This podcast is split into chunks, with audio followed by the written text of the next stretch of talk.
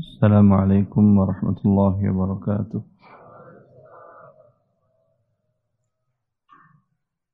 إن الحمد لله نحمده ونستعينه ونستغفره ونستهديه ونتوب إليه. أشهد أن لا إله إلا الله وحده لا شريك له. وأشهد أن محمدا عبده ورسوله.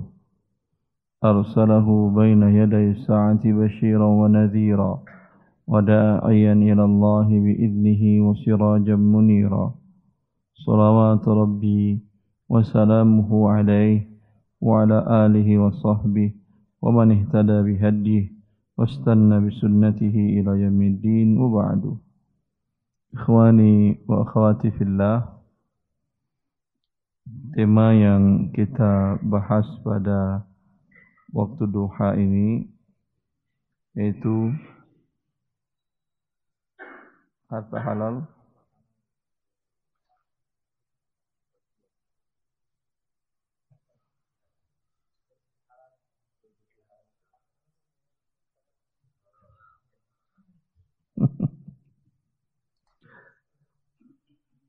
ah, apa temanya? Rezeki halal membawa kepada kemakmuran negeri.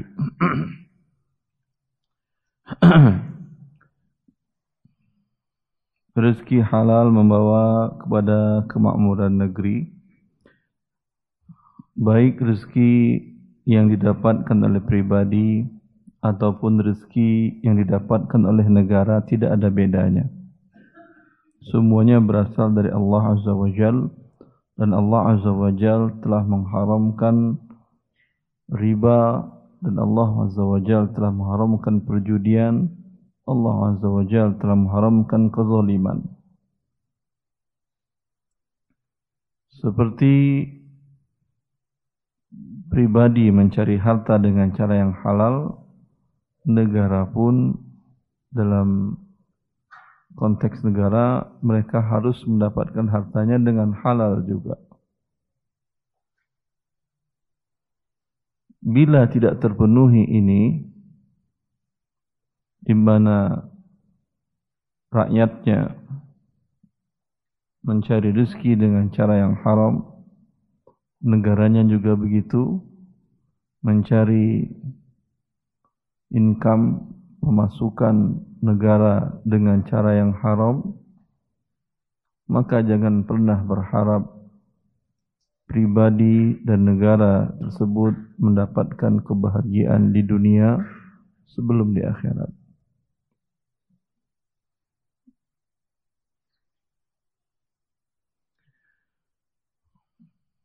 Apa makna dari sabda Rasulullah sallallahu alaihi wasallam yang dikeluarkan oleh Bukhari dan Muslim?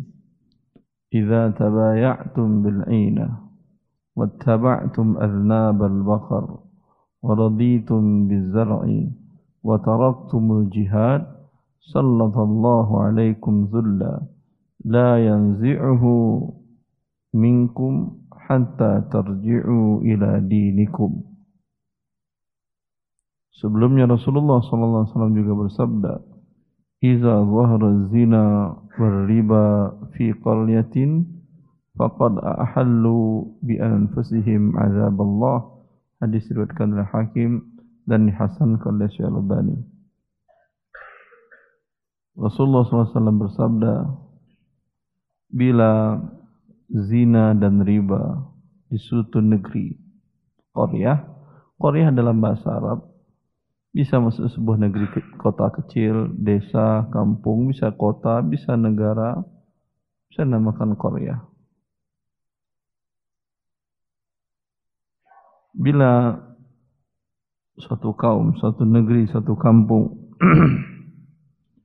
di sana telah menggejala, tampak, kelihatan, tidak tutup-tutup lagi.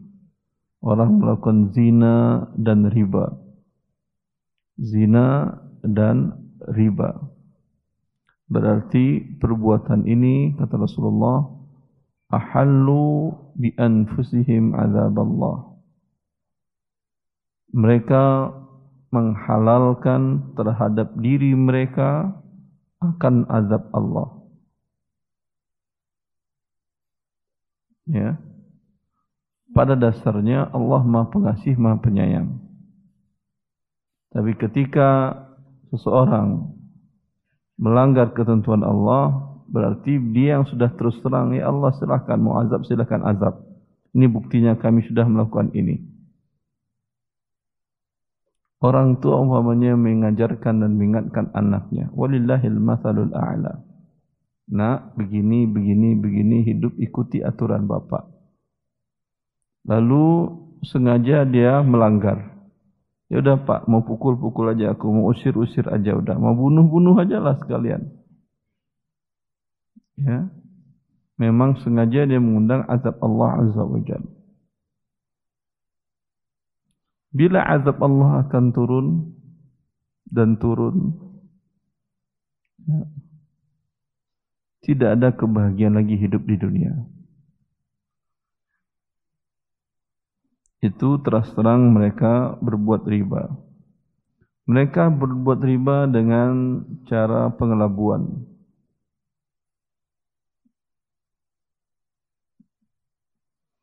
Dan ini terlihat kita lihat dalam kenyataan di lembaga-lembaga yang menamakan dirinya dengan syariah. Oh maaf, mereka tidak mengaku syariah, tapi mereka mengaku menuju syariah. Itu, itu atau tidak pengakuannya? Ya, kalau bahasa gaulnya OTW syariah. On the way. Kalau OTW atau menuju sudah sampai atau belum? Kalau belum, berarti masih riba atau udah syariah? Ya riba lah. Kalau dikatakan teman-teman udah ngumpul semuanya, kamu mana? Aku nggak kelihatan di masjid. OTW kata dia. Berarti ikut ngaji dia atau tidak? Tentu tidak. Ya. Dan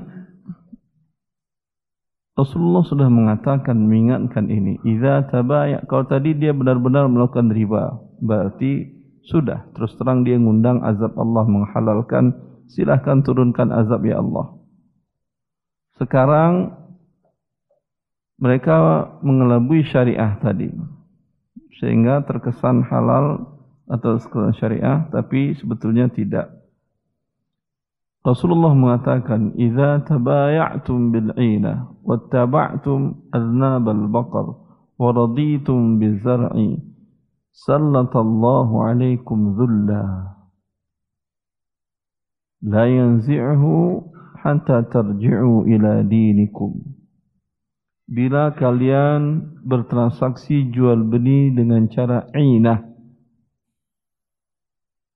jual beli dengan cara inah Kemudian kalian merasa redo, senang dan nyaman dengan hewan ternak dan hasil pertanian kalian. Sehingga kalian meninggalkan jihad bisa billah kalau sudah cinta dunia.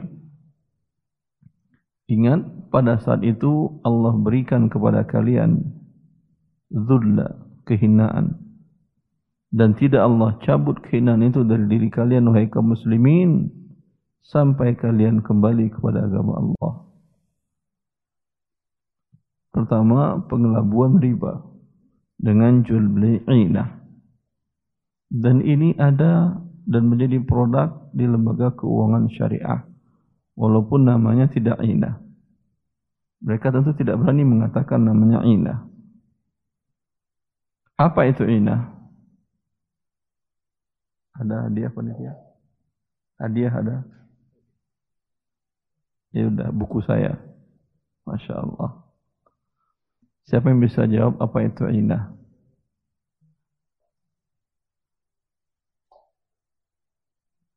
Hah? Ya.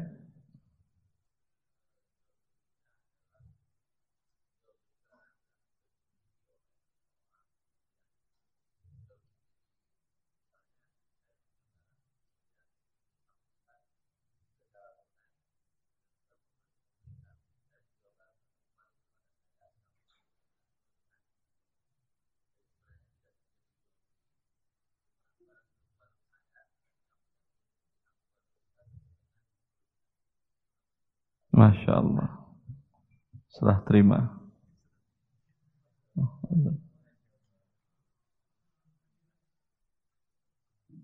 Allah barik Allah salam.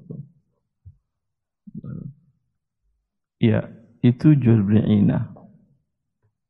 Jual beli inah kalau dia dia butuh sebetulnya dia butuh uang, umpamanya modal dia akan buat suatu usaha kuliner atau apa, umpamanya atau usaha jasa cuci motor segala macam, butuh modal uang tunai, iya atau tidak?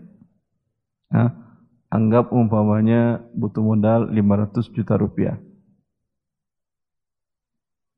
Kalau dia tahu bahwa Allah mengharamkan riba, dia pinjam ke seseorang, pasti orang itu mengatakan, saya pinjamkan kamu 500 juta, tapi setiap bulan kasih saya pertambahan 2%, setelah setahun atau tiga tahun kembalikan uang penuh 200 500 juta. Ini riba atau tidak? Riba. Di lembaga keuangan semua seperti ini atau tidak? Ya, lembaga keuangan konvensional seperti ini semuanya. Ini jelas murni riba. Ya. Datang dia ke seseorang yang punya uang. Ya. Kata orang yang punya uang ini, saya tidak mau kasih kamu uang. Karena kalau saya kasih kamu uang, tentu saya tidak bisa bertambah.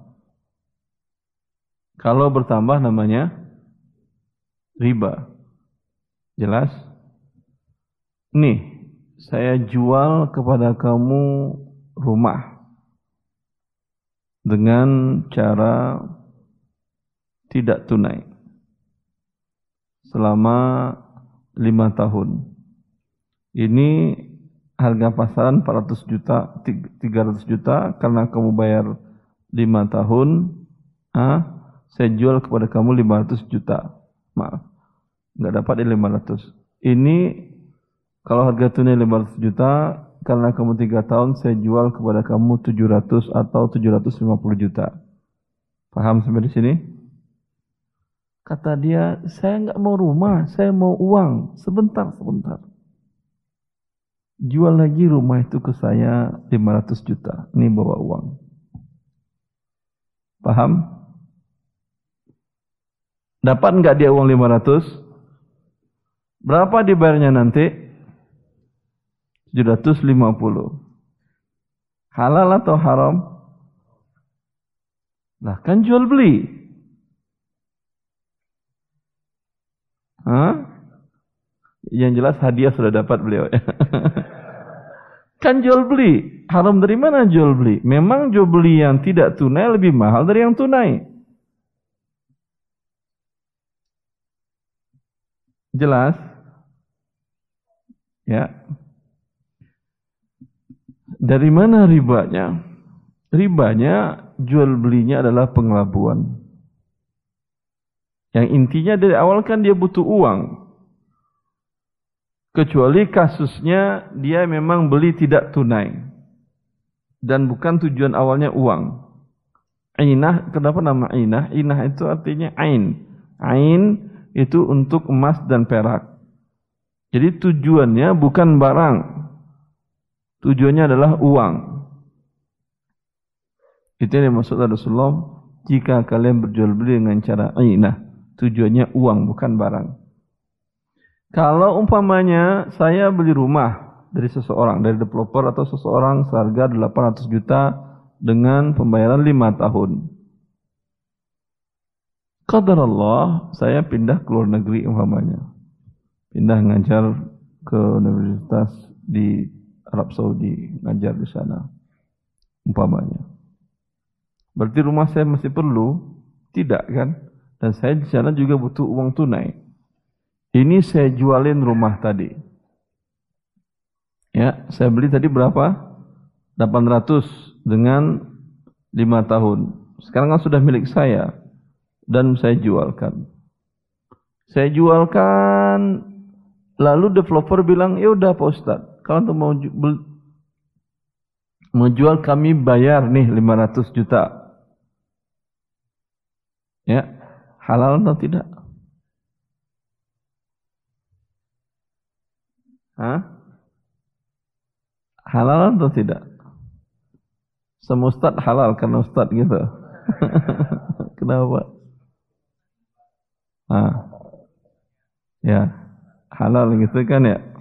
Saya akan beli dari developer tadi.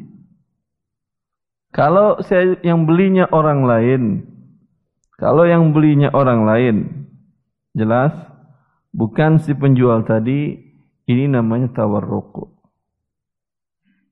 Namanya tawarruk bukan ainah. Ini masih ringan daripada ainah. Walaupun sebagian ulama seperti Syekh Hasan bin Taimiyah beliau mengharamkannya. Muridnya Ibnu Qayyim menghalalkannya. Tawarruk itu Anda ingin uang. Anda beli ingin Anda uang umpamanya 500 juta uang tunai modal tadi. Anda beli rumah dengan cicil 5 tahun. Paham? Ini apa? Hadiah bagian jawab. Eh, boleh ditukar buku dengan hadiah ini? Enggak, enggak. Ini sekarang jual beli, tapi enggak boleh jual di masjid kan ya? Ya dan nanti ada di luar kita jual beli. Tukar buku dengan hadiah yang lain. Jadi jual beli, enggak apa-apa. Hadiah tadi. Ah. Sampai di mana tadi? Kalau tawarruk tadi, dia ingin uang 500 juta rupiah. Paham? Dia beli rumah itu dengan tidak tunai ke developer bayaran 5 tahun.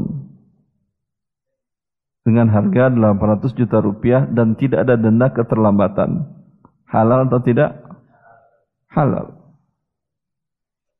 Kemudian sebetulnya dia ingin beli rumah ini bukan tujuannya rumah, tujuannya adalah tawarruk. Waruk itu warik, warik itu artinya perak.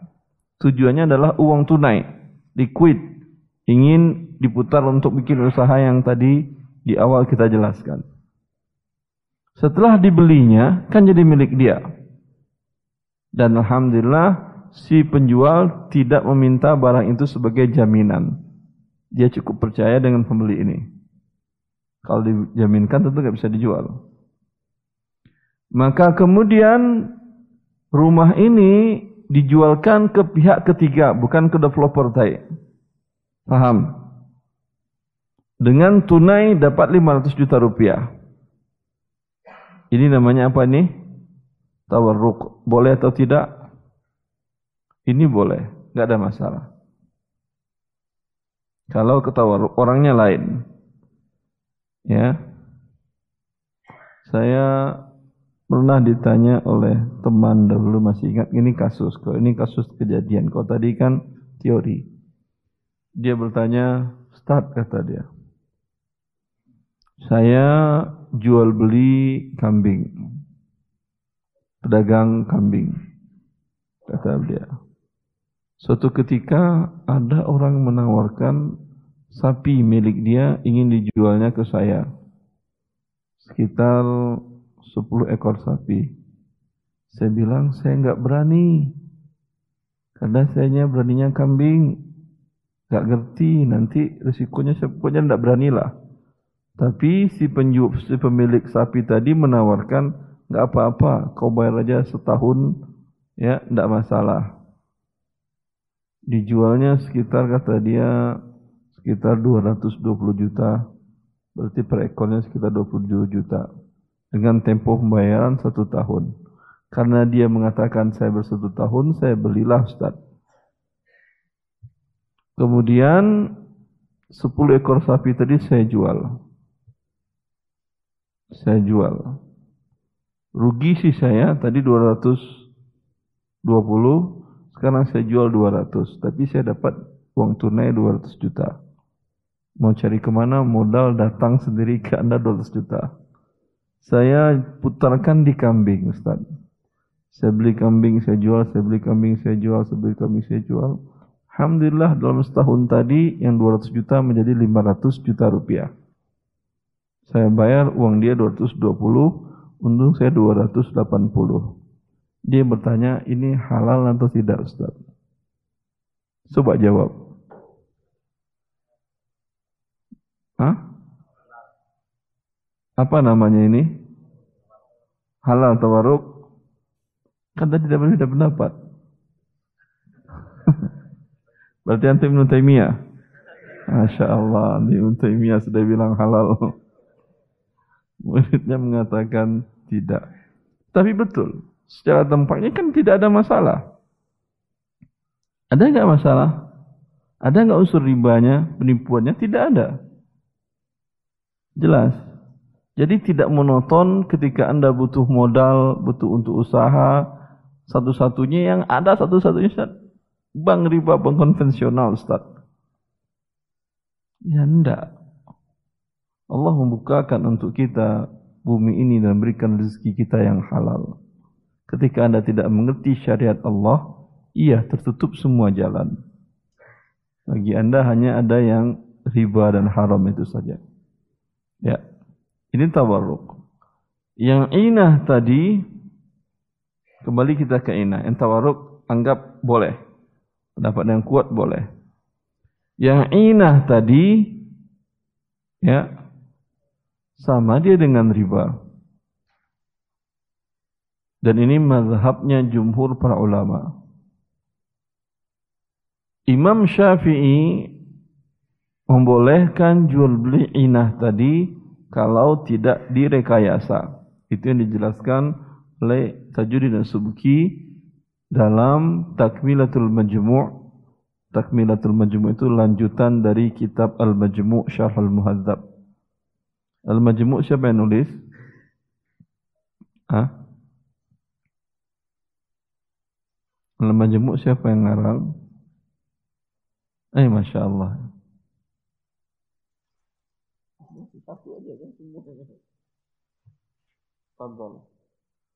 Hadiah tuan Masya Allah. Hah? Satu aja. Biar semuanya dapat. Antum ikhlas kan ya? Eh, Alhamdulillah beliau ikhlas antum ribut aja antum. ya semuanya dapat lagi. Semakin banyak kaum muslimin yang dapat kan semakin bagus. Ya. Imam An-Nawawi nulis buku menjelaskan kitab Al-Muhadzab yang ditulis oleh Imam Nawawi wafat pada hidup pada abad ke-6 Hijriah. Ke-7 Hijriah. Buku dia mensyarahkan buku Al-Muhadzab fi Fiqh Syafi'i yang ditulis oleh siapa? Ada lagi hadiah. Siapa? Namanya beredar di Indonesia. Seperti Naomi kan ada namanya. Coba tebak-tebak aja. Bang Nawi Ustaz, Bang Nawi tadi udah Bang Nawi. Ada? Dia hidup pada abad keempat Hijriah. Bernama Al-Imam Shirazi. Ash-Shirazi. Ash-Shirazi. Al-Imam An-Nawawi menjelaskan buku ini dengan luar biasa. Metodologi beliau dalam penjelasan itu bila ada ayat Al-Quran maka beliau tafsirkan ayat itu. Bila ada kata yang kurang jelas dalam bahasa Arab beliau jelaskan dengan ilmu apa namanya uh, ilmu lughah secara bahasa secara kamusnya bila ada hadis beliau takhrid siapa perawinya, siapa yang merawikan dan beliau berikan hukum sahih atau tidaknya. Kemudian beliau jelaskan pendapat dalam mazhab Syafi'i bila kemudian dalam dalam mazhab itu biasanya ada perbedaan pendapat juga. Beliau itu beliau jelaskan semuanya. Setelah itu bila ada mazhab yang lain tidak sependapat dengan ini berbeda, beliau sebutkan dan beliau diskusikan, dikompromikan sampai beliau mengeluarkan yang rajih pendapat yang terkuat. Sehingga banyak para ulama mengatakan kalau beliau menyempurnakan kitab itu sampai selesai lakana hujjatan itu menjadi hujjah tidak ada yang berani melawan mazhab Syafi'i tapi qadar Allah. Ya Allah berkehendak lain sampai pada bab bab apa? Beliau wafat. Bab apa? Tepat saja bab apa? Sampai pada bab riba. Ah bab riba. Kan sampai pada bab riba beliau wafat. Kemudian dilanjutkan oleh ulama pada abad ke-7 siapa namanya Tadi saya jelaskan tadi. Bukan. Bukan. S awalnya. U setelahnya. Banyak nama orang Indonesia seperti itu. Coba. Jangan bilang Sugeng Ustaz ya. Enggak ada orang Arab namanya Sugeng. Masa orang Arab namanya Sugeng. Hah. Apa? Bukan. B setelahnya. Tadi kita sebutkan. Sebelum saya ceritakan Imunami tadi. Sub. Ah. Empat. Bukan sub iga, jelas salah sub iga. Ah.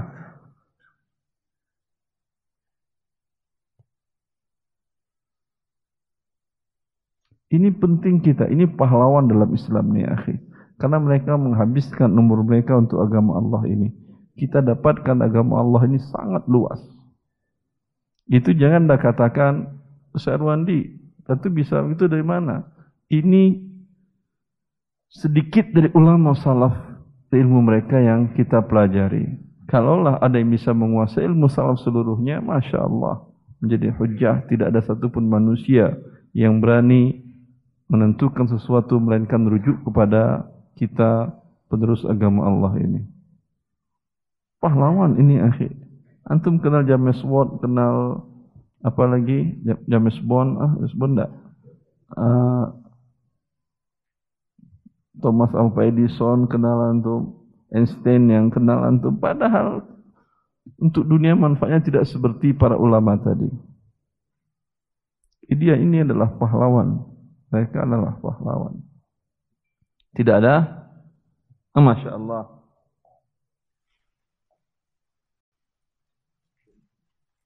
Antum sering sakit apa? Sebut kumah. Sakit apa nih? Sebut kumah sakit apa? Kalau sebut kumah. Pilih, pilih, pilih. Ini hadiah boleh, bukan jualan. Kalau yang belanja di luar sana. Sudah vitamin satu, ambil satu-satu ya. Masya Allah. Ini sini aja lah. Baik, Subki. Tajuddin Subki. Sering kan orang Indonesia Subki kan ya? Iya. Subki. Beliau merupakan ulama dalam madhab syafi'i. Beliau lanjutkan buku Imam Nawawi tadi. Dengan nafas yang sama. Ya. Al-Imam Nawawi tadi tujuh jilid besar bukunya. Ditulis pakai tangan di masa itu. Kebayang oleh anda? Hah? Kalau buku saya umpamanya 600 halaman, enggak pakai tangan, pakai pakai komputer. Dulu pakai tulis tangan. Tujuh jilid besar. Sekarang sekitar 13 jilid, satu jilidnya lebih 700 halaman. Al-Imam Masuki melanjutkan tapi tidak dengan nafas yang sama.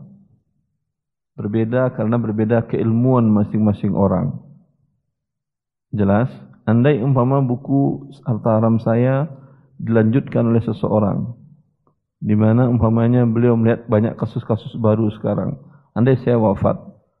Ya, melihat ada kasus fintech, enggak ada di buku saya. Apalagi e-commerce ada sebagian fintech tidak ada kemudian nanti berkembang lagi umpamanya bisnis-bisnis yang lain ya dilanjutkan dan dia tambahkan ke buku itu. Tentu nafasnya berbeda.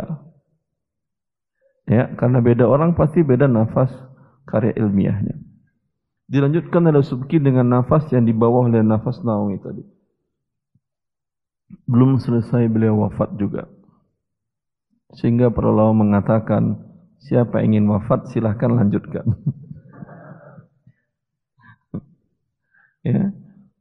Mereka menghabiskan umur mereka untuk agama Allah ini sehingga kita katakan kita mendapatkan ilmu dalam di akhir masa ini. Anda jangan katakan bahwa yang ditinggalkan oleh para ulama kaum muslimin itu sesuatu yang enteng. Tidak. Sekarang dunia semuanya merujuk ke situ. Anda tahu undang-undang undang-undang pidana yang terbaik itu di Italia. Saya dulu ada uh, dok, profesor dari Mesir. Beliau mengajar waktu saya di Libya.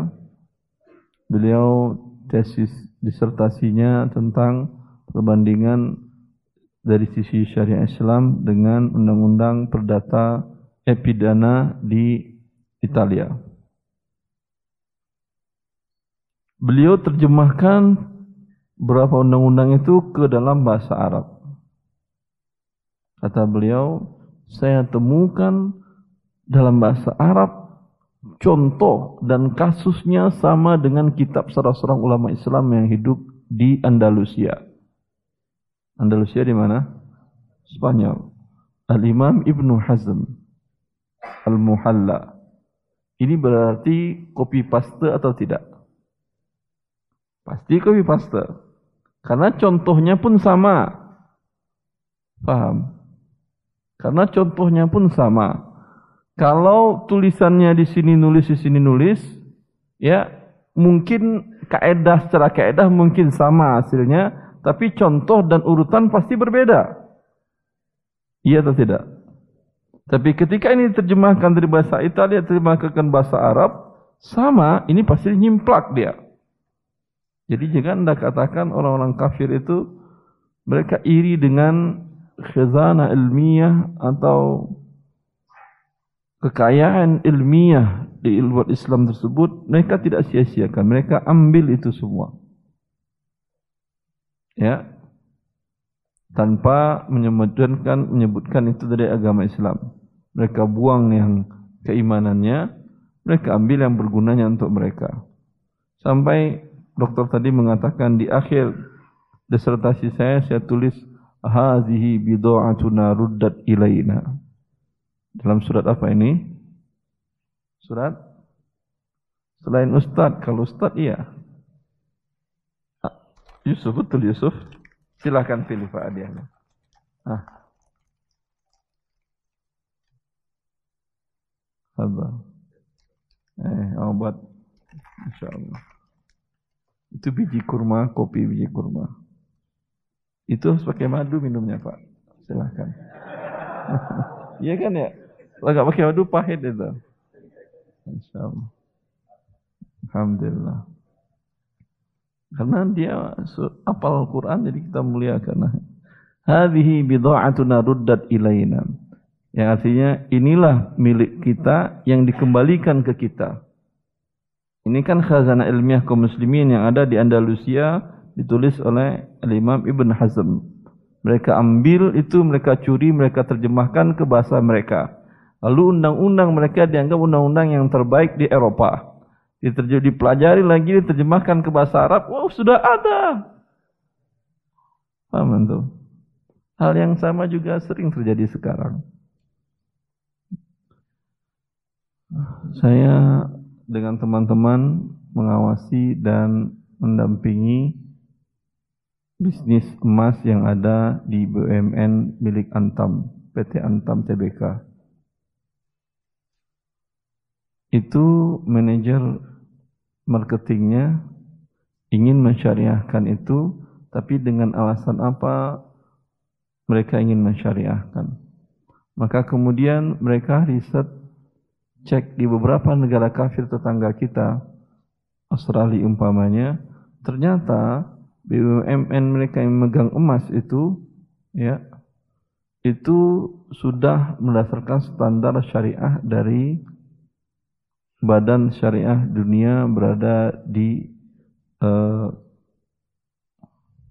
Bahrain yang di bawah AWIFI, asosiasi ya asosiasi badan syariah dunia. Port dan itu adalah kantong emas terbesar di dunia di pusat di London mereka juga sudah menjadi sesuai mereka juga sudah mendapatkan standar dari SOV bisnisnya mereka dari Bahrain juga dari IIV juga yang kita negara muslim belum apa kebutuhan mereka secara bisnis mereka tahu secara riset mereka tahu ini dia yang merupakan kesempurnaan syariat Islam tidak sampai di mana tadi kita? Inah kan ya. Sampai inah tadi kan ya. Tadi Rasulullah mengatakan idza tabaya'tum bil ainah wattaba'tum adnab al baqar wa raditum biz zar'i wa taraktumul jihad sallallahu alaikum dhulla. Dan saya katakan ainah tadi adalah riba menurut mayoritas para ulama ya dan menurut madhab syafi'i kalau direkayasa iya sepakat madhab syafi'i pun mengatakan haram tapi kalau tidak direkayasa apa arti tidak direkayasa memang tujuan awalnya ingin beli rumah dengan tidak tunai jelas bukan tujuan awalnya uang kemudian seperti yang tadi pindah dia ke Arab Saudi ingin ngajar di sana, dipanggil ngajar di sana. Dia ingin jual yang di sini. Ternyata sudah diiklan-iklankan, si developer beli lagi. Ya, terjadi inah atau tidak? Iya, tapi direkayasa atau tidak? Tidak. Ini yang menurut madhab syafi'i boleh. Tapi jumhur ulama tetap mengatakan tidak boleh. Ya. Tapi kalau direkayasa seperti kasus yang tadi. Pak, saya butuh uang 500 juta. Oh, enggak, saya enggak mau ngasih pinjaman uang. Tapi kalau kamu mau beli rumah saya ini dengan harga 800 juta tidak tunai. Ya. Saya butuh uang, jual lagi ke saya. Saya bayar kamu 500 juta. Hah? Ada enggak praktek ini dalam kehidupan sehari-hari kaum muslimin di Indonesia? Hah? Di mana? Di Bogor atau di mana? Saya dengar di beberapa daerah di ujung Pulau Jawa ada. Waktu saya ke sana kata mereka ada ustaz biasa ustaz. Di daerah kami itu bentuknya bukan pinjaman riba. Karena kaum muslimin di sana lumayan mengerti agama Allah. Kalau pinjam uang tidak ya dengan bayar berlebih. Tapi dengan cara dikasih barang jual beli tidak tunai, kemudian dijual lagi kepada pemilik barang dan dapat uang nanti dibayar berlebih. Ya. Bahkan dalam produk lembaga keuangan syariah pun ini ada. Apa produknya?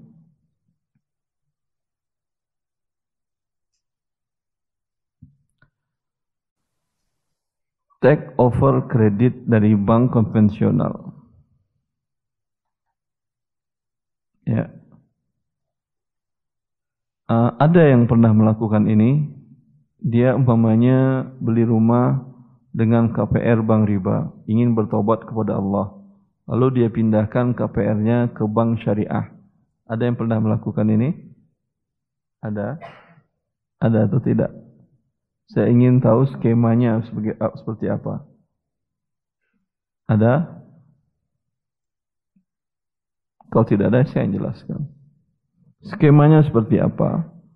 Maka kesimpulannya sering kalau ada kaum muslim bertanya kepada saya, Ustaz, saya ingin bertobat dari KPR di bank riba, bolehkah saya offerkan ke bank syariah? Saya katakan jangan. Anda akan rugi dunia dan akhirat. Rugi dunianya yang Anda bayar jauh lebih besar daripada kalau Anda bersabar di riba tadi. Itu rugi dunianya, kerugian materi. Rugi akhiratnya yang di bank syariah itu skemanya pun masih riba. Bagaimana skemanya? Skemanya begini. Pemanya seseorang pinjam uang 100 juta untuk beli eh, KPR rumah dengan bank riba. Sudah berjalan, sudah dia bayar 100 juta itu kan pokoknya. Bunganya anggap menjadi 200 juta. Ya, sudah dia bayar 50 persennya, berarti berapa? 100. Tinggal lagi 100 juta. Sekarang dia tahu bahwa KPR di bank konvensional itu adalah riba. Ya. Ribanya dari mana? Siapa yang bisa jelaskan? Pinjam 100, bayar 200. Bukan jual beli rumah. Ah. Sudah dapat tadi Pak? Belum, kalau belum silahkan. Masya Allah yang besar. Memang untuk orang tua harus yang silahkan. Yang jamu merah, DBD bagus. Tambah, tambah. Ya.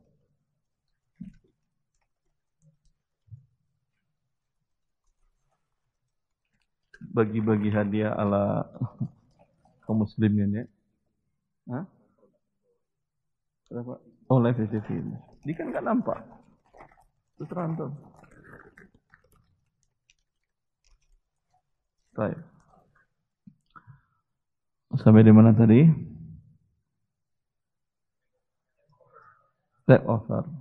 Hah.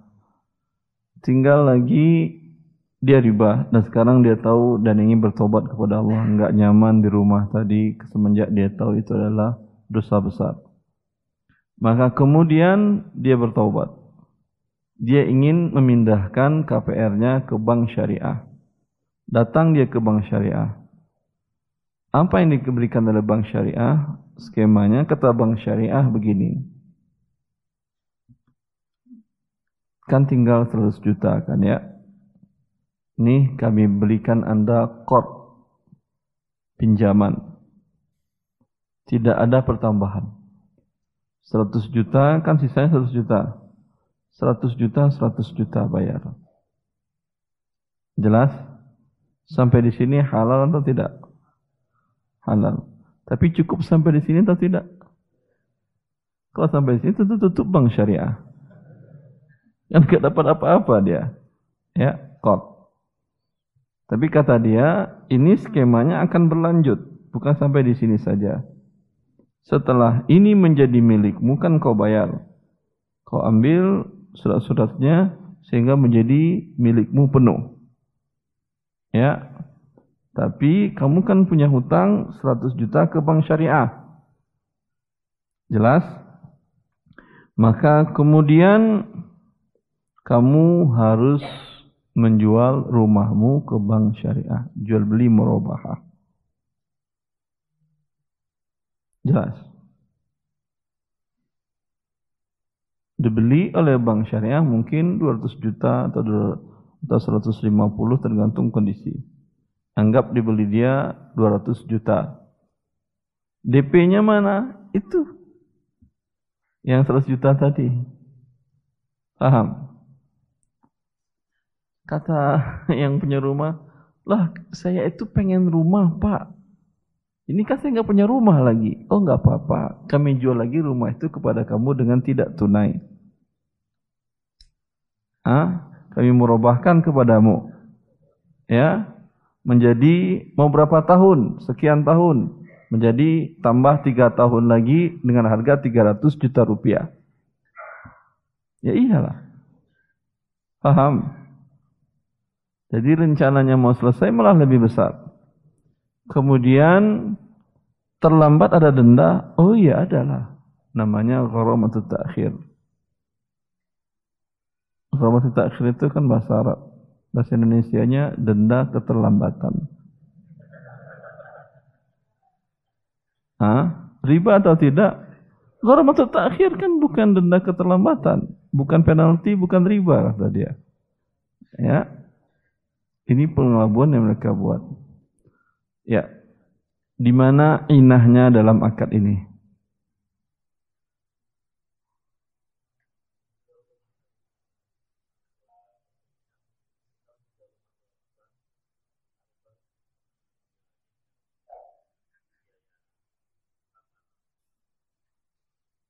Coba pelan-pelan kencangin suaranya. Mana inahnya? Uh, tadi uh, dari dari pembeli uh, menjual rumah tersebut kepada pihak bank.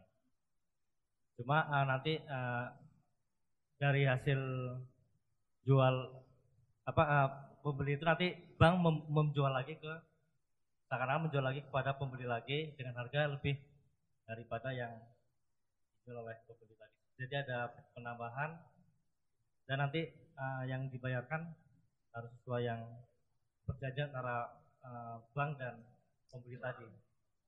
Kemudian dengan DP yang yang diberikan oleh bank tadi Pak. Uh, Ibu-ibu ada bisa jawab inahnya di mana? Hampir betul sih 75%. Kalau nggak ada yang lebih betul lagi, udah dia berhak. Ibu-ibu ada yang bisa jawab inahnya di mana? Nggak ada mic. Ah, berarti diwakili bapak-bapak aja.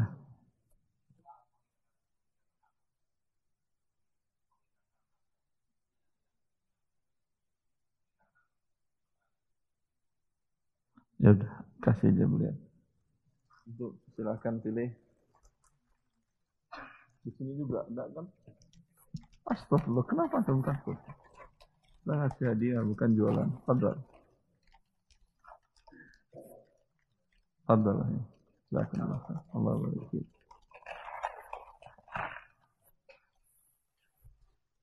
Ya, inahnya terjadi bank tadi membeli dengan tunai. Ya, harga 200 juta, dengan DP 100 tinggal dia bayar lagi 100 menjadi miliknya. Kemudian setelah menjadi miliknya dijual kembali ke nasabah si pemilik awal ya dengan harga lebih mahal dan tidak tunai. Jelas inahnya? Jelas atau tidak? Ya. Maka jangan pernah terbayang oleh Anda bila ingin bertobat dari KPR riba tadi dengan Anda pindahkan take over ke bank syariah karena pengelabuan riba kemudian lebih mahal kalau tadi dia bersabar kan tinggal 100 lagi hutangnya sekarang hutangnya jauh lebih banyak menjadi 150 kan ya hutang korp tadi 50 tambah lagi sisa hutang rumah tadi dan masih riba juga Kalaulah ribanya hilang, tentu bagi anda, bagi saya nggak ada masalah rugi dunia Ustaz, asal Allah tidak murka. Itu betul. Tapi ini Allah masih murka karena anda mengelabui Allah.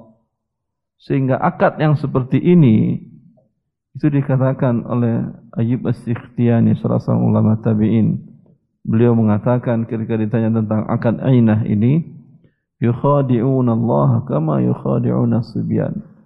Lau atauhu ala babiha lakana ahwanu alai. Orang yang membuat akan inah ini, mereka membohongi, menipu Allah seperti mereka membohongi dan menipu anak-anak kecil. Ya. Sepertinya kan jual beli. Iya atau tidak? Tapi hakikatnya adalah riba. Sehingga kata beliau, kalau mereka terus terang melakukan riba, mungkin dosanya lebih kecil lebih kecil daripada mereka menipu Allah tadi. Ya. Dan ada di beberapa akad di bank syariah yang lain seperti akad sukup, ijarah jika mengandung unsur seperti itu. Yang penting kaidahnya Anda paham, maka jangan tertipu dengan hal ini. Maka kalaulah Allah menurunkan azabnya kepada kita, wa ya'fu an katsir. Banyak yang sudah dimaafkan oleh Allah Azza wa Jalla. Tentulah negara akan hancur. Bila pribadi-pribadinya, lembaga-lembaganya hancur, negara atau negeri tadi akan menjadi hancur. Kalau satu dosa besar dalam mencari harta yang haram tadi cukup untuk menghancurkan, apalagi berkumpul dosa besar yang lain juga. Ya. Kalau satu dosa besar saja seperti riba cukup mengundang azab Allah Azza wa Jalla apalagi ditambah yang lain seperti dosa dalam memainkan timbangan atau takaran atau ukuran. Umat Nabi apa yang dosa mereka memainkan takaran dan timbangan ini? Masya Allah, fadal. Shu'aib, betul Shu'aib. Apa nama negerinya selain Anda? Apa nama negerinya Anda ambil? Hah? Siapa yang dulu yang belakang? Oh yang belakang Fadl. Belum dapat kan ya? Fadl. Untuk belum juga. Minta ke Allah.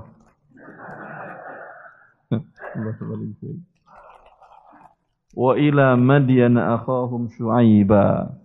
Kepada negeri Madian kami utus Nabi Syuaib. Ya. Mereka dikenal dengan dosa besarnya selain ingat.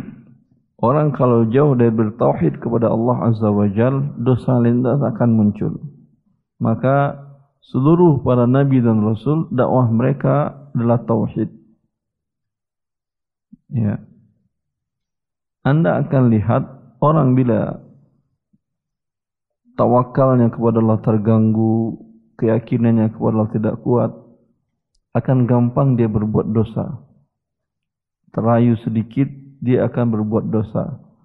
Kondisi agak terjepit keuangannya sedikit, dia akan berbuat dosa. Ya. Maka setelah Shu'aib menyerukan kepada kaumnya, Ani'budullah, agar kalian beribadah kepada Allah, dan jangan kalian mengurangi wala tabkhasun nasa asya'ahum. Jangan kalian kurangi hak-hak manusia dengan mengurangi timbangan. Negeri Madian tersebut merupakan apa namanya? Kota persinggahan. Singapura itu apa nama negerinya itu?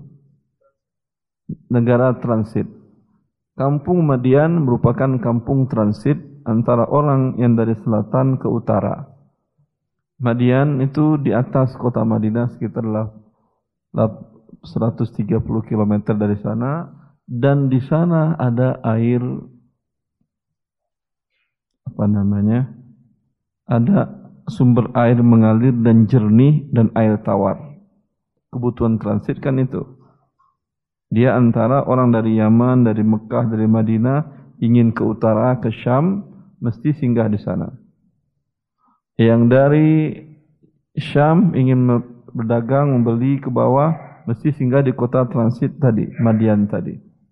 Kota transit biasa dikenal dengan perniagaan. Ya. Dan sifat mereka berniaga seperti itu. Mereka mengurangi timbangan. Ya. Ini menunjukkan bahwanya syariat Allah Azza wa Jal tidak bagi-bagi. Maksud saya tidak bagi-bagi. Sebagian para penuntut ilmu, para da'i terkadang mereka mengatakan kita perbaiki dulu akidah, akidah, akidah, akidah tanpa yang lain-lainnya. Ya, ya enggak. Buktinya Nabi Shu'aib tadi ha, langsung setelah langsung mengatakan beribadahlah kalian kepada Allah dan kemudian jangan kurangi hak-hak manusia tanpa menunggu jeda dulu. Karena Allah merintahkan bukan dengan kata summa. Kalau dengan kata summa kemudian itu ada jeda. Berarti para dakwah para nabi itu memang akidah itu mesti. Tetapi tergantung kerusakan mereka apa langsung disampaikan dan diperbaiki kerusakan-kerusakan dalam umat per umat tadi. Ya. Maka beliau sampaikan jangan kalian mengurangi timbangan. Dan mereka mengurangi timbangan. Apa azab yang Allah turunkan kepada mereka?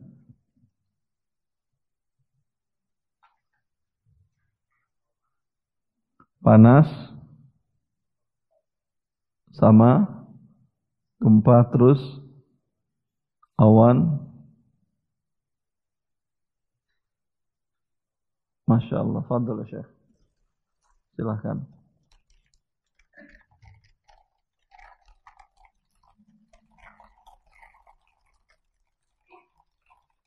Fadol Fadol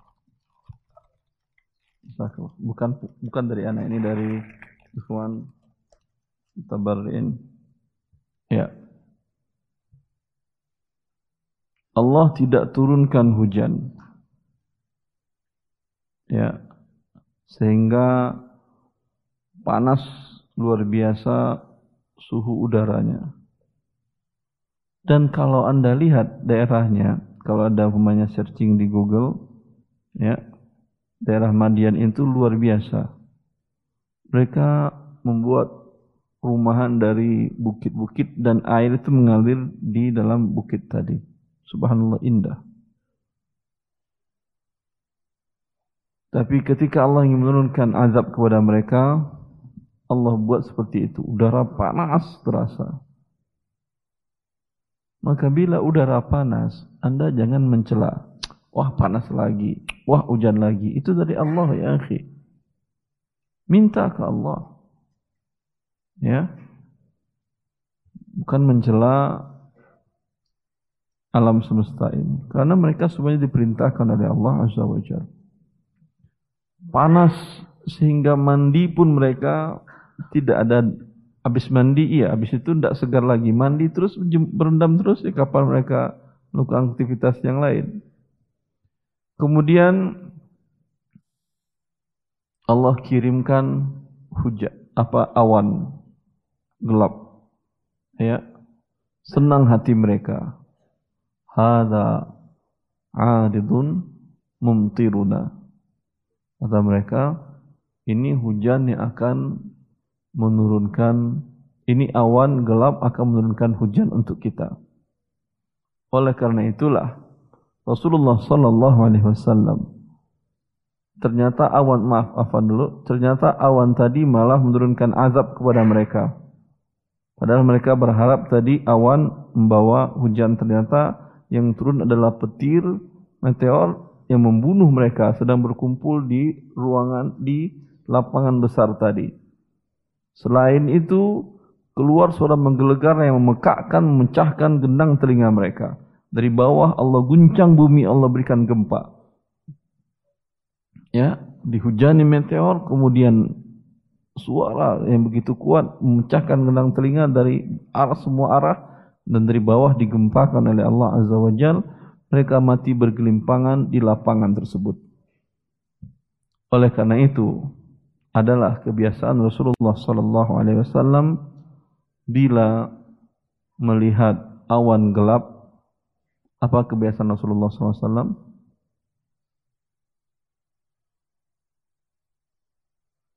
Hah? Diceritakan oleh istri beliau ibunda kita Aisyah radhiyallahu anha bahwa Rasulullah SAW kalau melihat awan gelap terlihat dari muka beliau ketakutan. Ya. Apa yang beliau takutkan?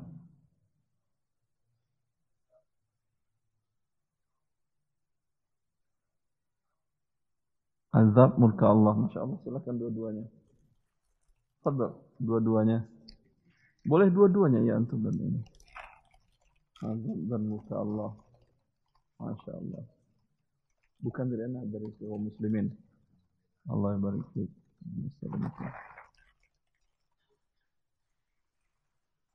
Azab dan murka Allah karena Rasulullah takut karena ini diturunkan oleh Allah Hadza 'aridun mumtiruna. Mereka berharap ini hujan akan menyelesaikan masalah kita sehingga kita tidak kepanasan lagi. Kan biasanya begitu kan ya. Kalau Anda lihat hawan gelap, udara panas kan ya. Hah? Sebagian kaum muslimin senang. Allah betul alhamdulillah senang tapi Rasulullah tidak begitu. Takut apa yang menimpa umat sebelumnya menimpa beliau dan menimpa umatnya. Sampai turun hujan kata Aisyah. Ketika turun hujan baru terlihat muka wajah berseri dari Rasulullah sallallahu alaihi wasallam karena yang turun adalah rahmat Allah azza wajal. Juga jangan Anda cela rahmat Allah. Ketika hujan turun mungkin Anda lagi jemur pakaian atau jemur padi atau baru habis nyuci mobil nyuci motor, jangan celak. Karena ini adalah rahmat Allah Azza wa Jalla yang turun. Ya, tapi bacakanlah doa. Apa doanya? Ini hadiahnya gimana baginya? Dapat semua kamu muslimin. iya. Allahumma sayyiban nafi'a. Ya, baik. Itu yang Allah berikan kepada kaum Madian umat Nabi Shu'aib. Kita lihat di negeri kita sekarang. Apakah curang dalam timbangan dan takaran ini ada? Wallahu alam. Banyak ada. Mana yang betul? Banyak atau ada? Ada banyak. sebutkan satu kasus. Bukan asal ngomong ya, yang Anda betul-betul tahu.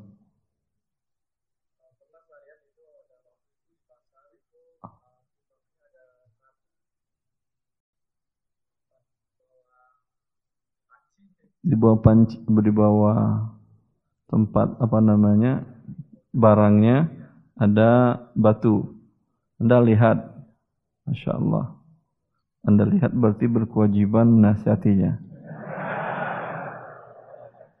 Dinasihati atau tidak? Oh enggak dapat dia kalau gitu. Fadal, fadal. Ah, hadiah. Fadal. Allah. Ke depannya setiap ada kaum muslimin nasihati ya akhi. Mungkin mereka berpikir kalau gua enggak begini dagangnya, saya rugi. Karena orang-orang jual murah dengan cara begini. Iya atau tidak? Hah? Si fulan, si fulan semuanya begini. Ya. Dan otomatis untungnya dia bilang harganya murah, sebetulnya tidak murah. Kalau saya jual dengan harga standar biasa tidak begini, saya pasti tidak ada pembeli. Ini caranya betul, cara berpikirnya atau salah? Ini yang perlu diperbaiki. Cara berpikir Anda berdagang.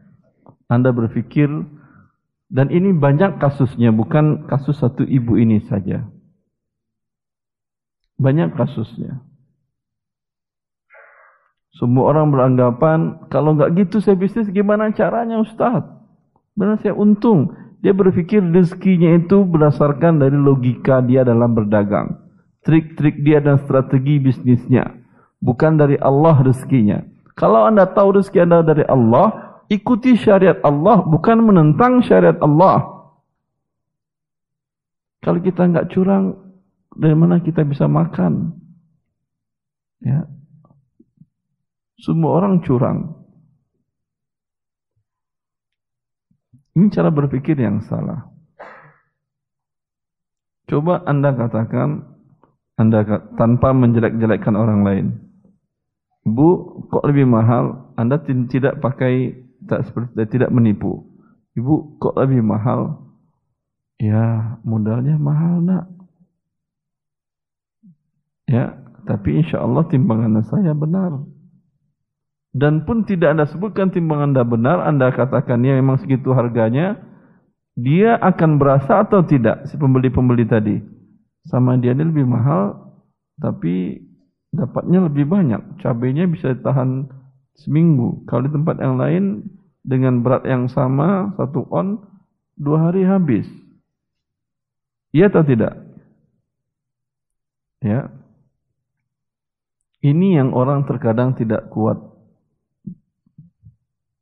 Tidak mengerti dalam mencari rezeki Allah. Dia pikir rezeki itu dapat dari logikanya dia, dari strateginya dia. Bukan dengan mengikuti syariat Allah Azza wa Jal. Sering saya mencontohkan tentang kisah dua sahabat Rasulullah SAW antara Utsman dengan Umar. Khattab dan anhuma. Di mana Utsman membeli budak dari Umar bin Khattab. Setelah Utsman membeli, beberapa hari kemudian dia komplain kepada Umar bahwa budak yang kau jual itu cacat, dan sakit kulitnya. Kata Umar, tidak. Setahu saya dia tidak ada penyakit kulitnya. Kalau ada itu berarti di tanganmu. Saya enggak mau menanggung. Lalu kata Utsman, kalau gitu kita bawa ke Qadi, Syurah Al-Qadi. Kata Syurah Al-Qadi, Al-bayyinatu 'ala al-mudda'i wal yaminu 'ala man ankar. Bukti dikemukakan oleh orang yang mendakwakan dan sini buktinya jelas dan sudah dikemukakan oleh teman ini ada cacatnya. Kalau engkau mengingkari, engkau wajib bersumpah atas nama Allah Azza wa Jal bahwa saat engkau jual tidak ada cacatnya. Lalu disuruh Umar bersumpah atas nama Allah empat kali bahwa ini ketika dia jual tidak ada cacatnya. Berani Umar? Tidak. Karena risikonya besar. Kalau dia berani bersumpah atas nama Allah, gara-gara hanya uang, ya Tadi itu dijualnya dengan harga 800 dinar. Kalau cacat tentu turun harganya kan ya. Mungkin selisih 100 dinar. Dia tidak mau Allah murka gara-gara 100 dinar sehingga diambil lagi budak itu oleh dia. Dia mengagungkan asma Allah. Tidak kata dia. Ya udah, saya tidak mau bersumpah, sini budak itu dan ini uangmu 800 dinar. Kalau menurut anda rugi nggak Umar ini? Rugi. Dan itu cara banyak berpikir orang. Rugi ente. Harusnya sumpah aja. Tahu anda kalau sumpah apa yang akan turun? Karena dia ini mencuri hak orang.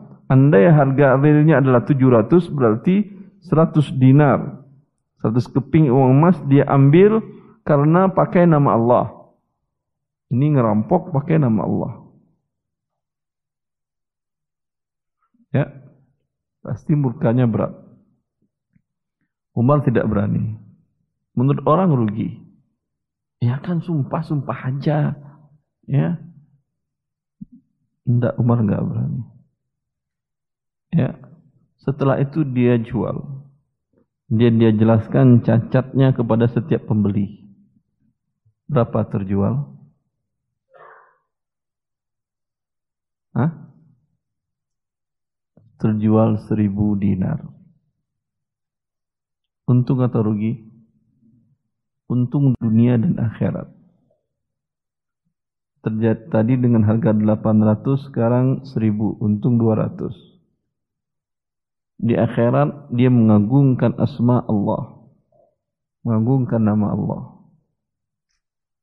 Itu yang saya katakan di awal tadi bahwa kehidupan kita tidak lepas dari akidah yang dalam tauhid kepada Allah Azza wa Jalla. Tangan kanan. Ya. Tidak lepas dari tauhid kepada Allah. Kalau kita tidak takut dengan Allah, tidak mengerti dengan Allah seperti tadi, kita akan mencari rezeki sesuai dengan logika kita ya dan ini adalah kerugian di dunia dan di akhirat Allah murka kepada kepada kepada Korun Korun umat Nabi siapa? Nah, gimana bagi hadiahnya ini? Umat Nabi Musa alaihissalam. Allah murkai karena ketika diminta kewajiban dalam hartanya, dia mengatakan apakah perkataannya? Itu bahasa Indonesianya.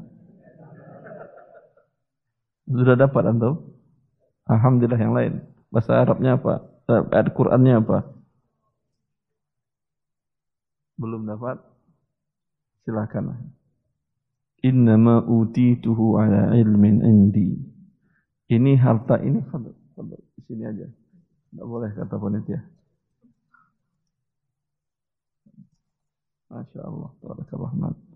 Jazakallah Innama utitu ala ilmin indi. Aku mendapatkan itu karena ilmuku. Tadi kan dia berpikir begitu. Ilmu bisnisnya adalah dengan cara menipu tadi. Kalau tidak begitu, menurut logika dia, dia akan rugi karena semua orang begitu dan mereka pasti kalah harga saingnya. Ya, tidak. Kalau Anda jujur sendirian, semua orang akan datang belanja ke Anda, nggak mau belanja ke yang lain. Iya atau tidak? Ini yang dikatakan oleh Huzaifah bahwa yang pertama dicabut dari umat ini adalah sifat amanah, sifat kejujuran. Dan ini tanda-tanda hari kiamat. Duyi fa iza duyi'atil amanatu fantaziris sa'ah. Bila sifat amanah, ketidakjujuran, kejujuran tersebut dilalaikan oleh kaum muslimin oleh manusia, tunggulah kiamat datang. Artinya sudah dekat kiamat. Sehingga bila seseorang berdagang ingin membeli, ya akan dikatakan beli di kaum itu hanya si fulan yang amanah, yang lainnya jangan beli dari mereka karena tidak amanah. Kondisi yang seperti ini, yang masalah batu tadi itu jangan anggap anggap enteng ini mengundang kiamat semakin dipercepat. Bila Anda diam saja, tidak amar ma'ruf nahi mungkar ketika tahu, ya, berarti Anda ikut mempercepat terjadinya kiamat. Iya atau tidak? Tapi Anda nasihati, dia ikut atau tidak, itu urusan dia. Tapi Anda kan tidak tahu. Kemungkinan dengan ngomong sedikit dua atau tiga menit Anda nasihati dia, jalan, setelah itu mungkin berubah hidupnya. Terbayang oleh dia, oh iya jangan-jangan karena ini selama ini uang sih banyak dapat tapi anak-anak sakit, suami dapat musibah, suami malah mau menceraikan setiap hari begini, setiap hari begini. Iya atau tidak? Anda mungkin ngomong dua menit, maaf ibu, ini saya lihat saya tidak bermaksud apa-apa ini Allah memurkai jual beli yang timbangannya curang. Ya. Bahkan Allah mengancam dalam Al-Quran surat Ya udah Al-Mutaffifin. Fadlah.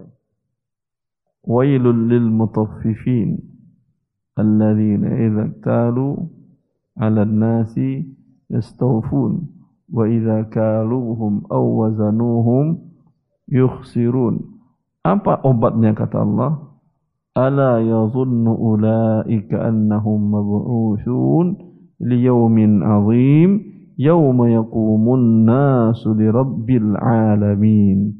Ini obatnya solusinya. Ya. Neraka wail bagi orang yang mengurangi timbangan.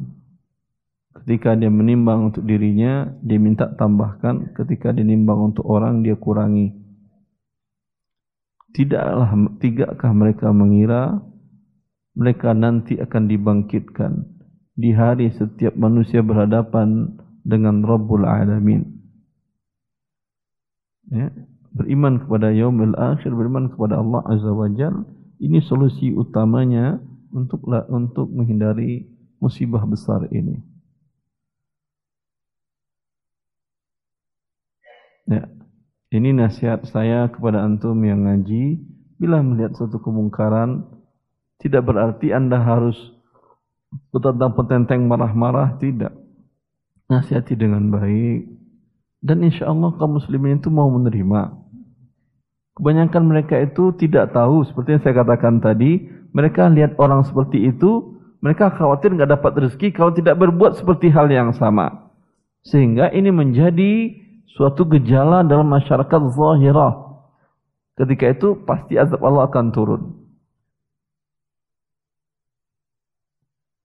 Eh, saya pernah melihat, mungkin ini sekedar, ya bukan saya mengatakan lebih baik dari antum-antum, tidak.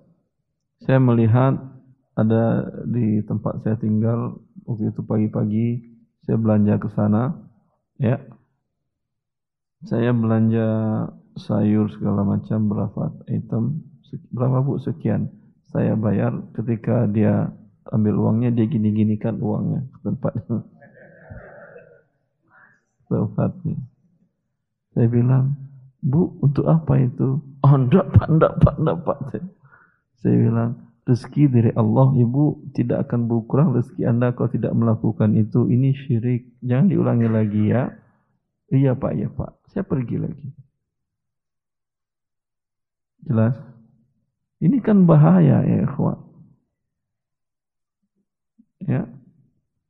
Mereka jual sayur kecil-kecil dapat untung mungkin 50 ribu sehari, 30 ribu sehari. Tapi yang mereka korbankan adalah dinnya, agamanya, syirik kepada Allah Azza wa Jal. Para penzina yang dikorbankannya harga dirinya. Lebih besar mana dosa zina daripada dosa syirik? Syirik. Tidak berampun oleh Allah. Jelas. Dapat uang banyak dia. Ini dapat uang dikit yang dia korbankannya semua agamanya syirik. La in asyrakta la yahbatanna amaluk kata Allah. Hai Muhammad, kalau engkau syirik Habis semua amalanmu. Itu amalan Muhammad sallallahu alaihi wasallam. Ini apa amal lagi amalan kita? Kita bukan Muhammad sallallahu alaihi wasallam, tidak ada jaminan masuk surga dari Allah azza wajalla. Ya. Ini kita dakwahkan kepada kaum muslimin kaum muslimat yang dagang tadi dengan tujuan apa? Ingin menyelamatkan dia dari api neraka Allah. Ini kan rugi. Di dunia sudah susah, nanti di akhirat tidak berampun. Itulah Rasulullah SAW dikirim oleh Allah rahmat sebagian alam untuk itu. Menyelamatkan manusia dari neraka Allah Azza wa Jal. Ketika Rasulullah SAW melihat ada seorang anak muda Yahudi yang akan wafat, beliau dakwahkan untuk masuk Islam. Untuk mengucapkan qul la asyhadu qul anni qul asyhadu an la ilaha illallah wa anni rasulullah. Ucapkan hai anak muda bahawa tidak ada ilah yang berhak diibadai kecuali Allah dan aku adalah Rasulullah. Kalau orang berfikir untung rugi, ini orang mau mati. Apa keuntungannya bagi kita untuk mendakwahinya? Kalau dia akan hidup, mungkin banyak. Dia akan berjuang untuk Islam segala macam, segala macam. Ini dia mau mati. Apa untungnya? Tapi Rasulullah tetap mendakwahinya. Dan anak itu karena ada bapaknya yang Yahudi, dia pun Yahudi. Dia minta izin seolah-olah ingin minta izin kepada bapaknya. Bapaknya kasihan dan berkata kepada anaknya, Ati' Abul Qasim. Taatilah Muhammad Abul Qasim itu. Abdul Qasim. Lalu anak itu mengucapkan asyhadu an la ilaha illallah wa annaka rasulullah. Lalu meninggal. Rasulullah bergembira dan mengucapkan Alhamdulillahilladzi anqadhahu bi minan nar. Segala puji bagi Allah yang telah menyelamatkan anak ini dari neraka Allah. Itu tujuan kita dalam mendakwahkan agama Allah ini ingin menyelamatkan diri kita, orang-orang yang kita cintai dan orang-orang yang kita ketahui untuk selamat dari neraka Allah Azza wa Jalla. Bila rahmat ini yang kita berikan kepada kaum muslimin, kepada manusia umumnya, bukan kepada kaum muslimin saja, Allah akan berikan rahmatnya kepada kita juga. Ya. Ada saya waktu di ada seorang anak muda rajin sholat dan pintar anaknya. Tapi kelihatan mantan slang lah gitu di tahun di tahun waktu-waktu itu tahun berapa 94an ya lalu saya tanya anda masya Allah ikut uh, ada pendidikan D2 untuk ilmu syar'i waktu itu saya ngajar di sana dan dia kerja di hotel hotel bintang 5 Al Faisaliyah di Riyadh ya anaknya pintar Lalu saya tanyakan, apakah kamu lulusan pesantren? Dia cerita, enggak Ustaz, saya enggak lulusan pesantren. Saya dulunya untuk melihat pembawaan saya slang dulunya Ustaz. Ketika saya kerja kemari, ya kata dia, Alhamdulillah Allah berikan hidayah melalui ada senior karyawan di Hotel Bintang 5 ini yang dia setiap subuh ngetuk pintu kaum muslimin teman-teman karyawan yang Indonesia yang muslim untuk ikut sholat subuh berjamaah. Suatu ketika Ustaz kata dia, saya waktu itu uh, shift malam selesai sekitar jam 3. Saya boleh tidur satu jam azan dan dia ketuk pintu saya. Ya itu saya mangkal karena udah lama ini saya pendam-pendam dia setiap azan subuh ketuk pintu terus. Sekarang mangkalnya udah di puncak dan saya semprot habis-habisan bapak tua itu. Lalu bapak itu dengan lirih menjawab, ya udah enggak apa-apa kalau kamu marah. Tapi aku kata dia, aku kasihan kalau anak muda gagah, ganteng, kemudian masuk neraka. Dia pergi. Kata-kata itu Ustaz kata dia yang merubah hidup saya.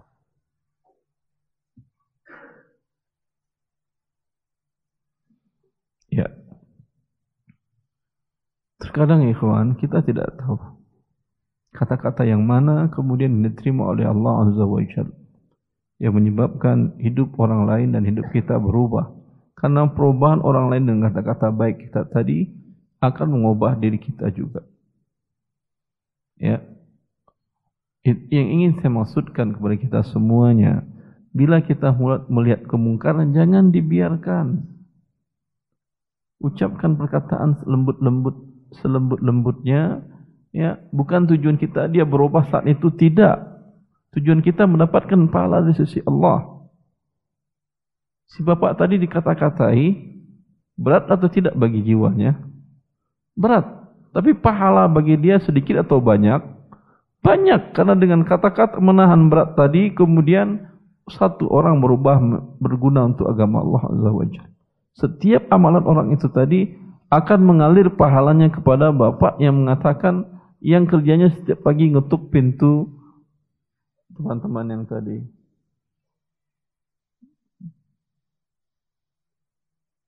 Ya. Jelas? Itu yang saya maksudkan. Bila anda diam, yang lain diam, kita diam, turun azab Allah lagi setelah itu. Ya.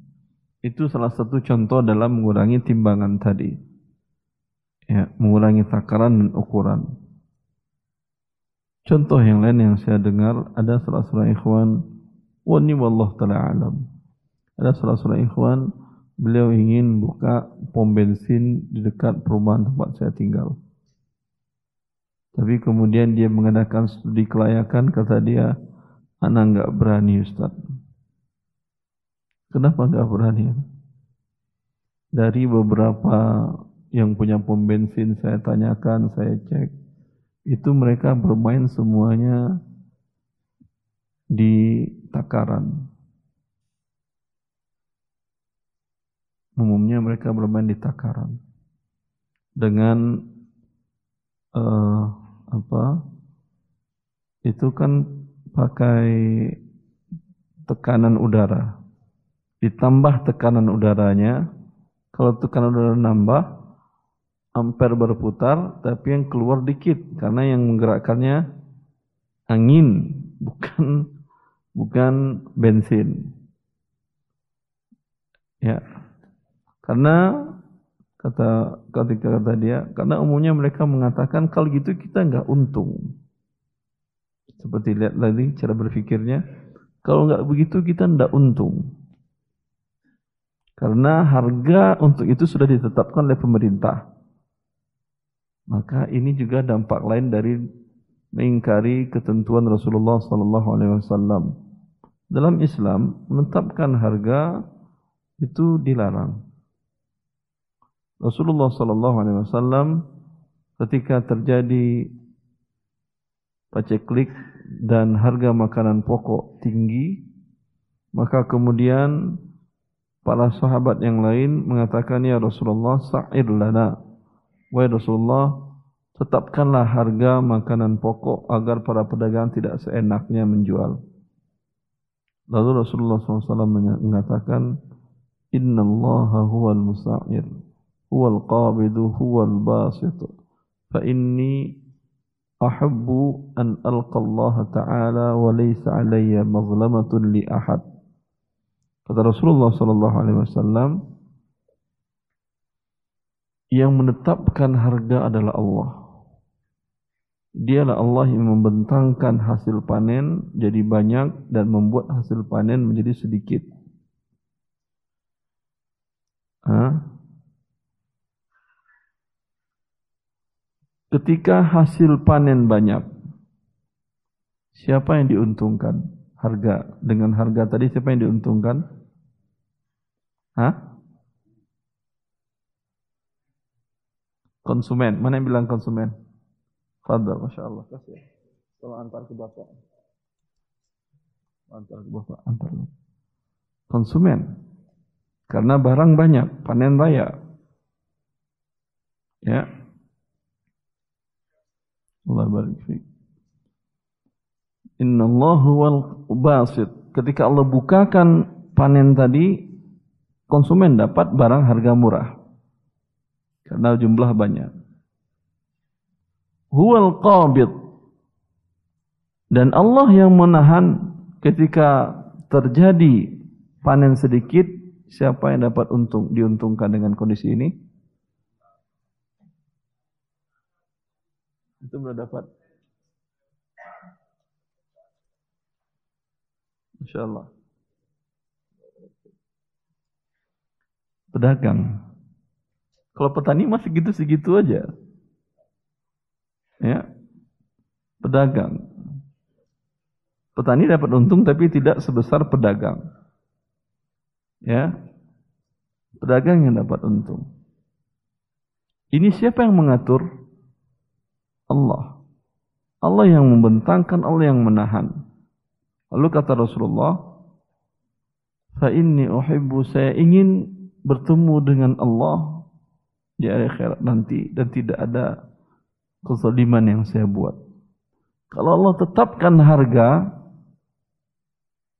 maaf, kalau Rasulullah SAW tetapkan harga, berarti rezeki pedagang yang harusnya naik jadi tetap tidak naik. Berarti Rasulullah menzalimi dagang. Begitu juga kalau harga tetap yang harusnya harga murah karena panen raya, harga tetap kan ya? Siapa yang terzalimi? Orang banyak. Maka Rasulullah tidak menginginkan hal tersebut terjadi pada diri beliau. Ya. Maka jelas ijma' para ulama tidak boleh menetapkan penguasa menetapkan harga. Tetapi kemudian Oki, para ulama sedunia melihat kenyataan sekarang bila negara tidak mengatur dalam harga beberapa bahan pokok, itu dikhawatirkan kezalimannya lebih besar. Dalam hal tersebut, Oki mengatakan dibolehkan dalam kondisi kenegaraan sekarang. Tetapi tetap berdampak. Dampaknya apa? Seperti tadi.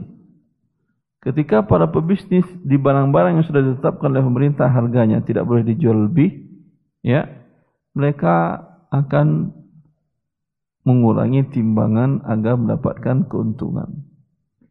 Bila kondisinya semuanya melakukan demikian, ya, berasa nggak ada ini, yang kasus yang ini, timbangan takaran BBM Berasa? Anda tahu nggak di sekitar sini pom bensin mana yang menurut Anda itu jujur? Biasanya beredar isu-isu kan ya. Kalau beli di sana itu jujur, itu beli di sana itu jujur. Ya udah. Menjadi seperti itu orang dalam berdagang seperti dikatakan oleh Huzaifah. Di suatu kampung tadi hanya itu yang masih jujur. Itu pun Anda juga tidak tahu pasti, tapi beredar isu seperti itu. Berita-berita seperti itu. Ini dampak dari hal tersebut. Berarti hampir semuanya memainkan timbangan. Maka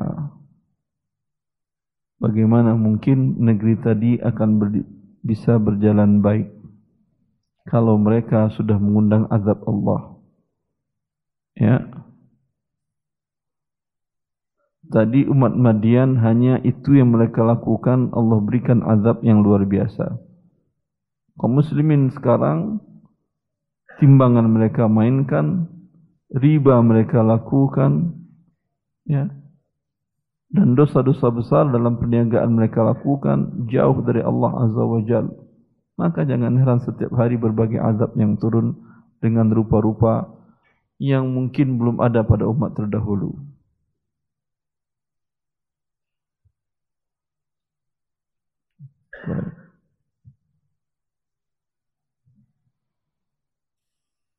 Cukup panitia. Ya Allah barik maka untuk selamat dari hal ini hanya satu.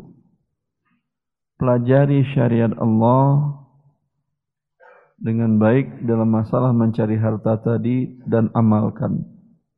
Bila Anda mungkin akan mengatakan, kalau kita saja mengamalkan, negara tidak mengamalkan Ustaz.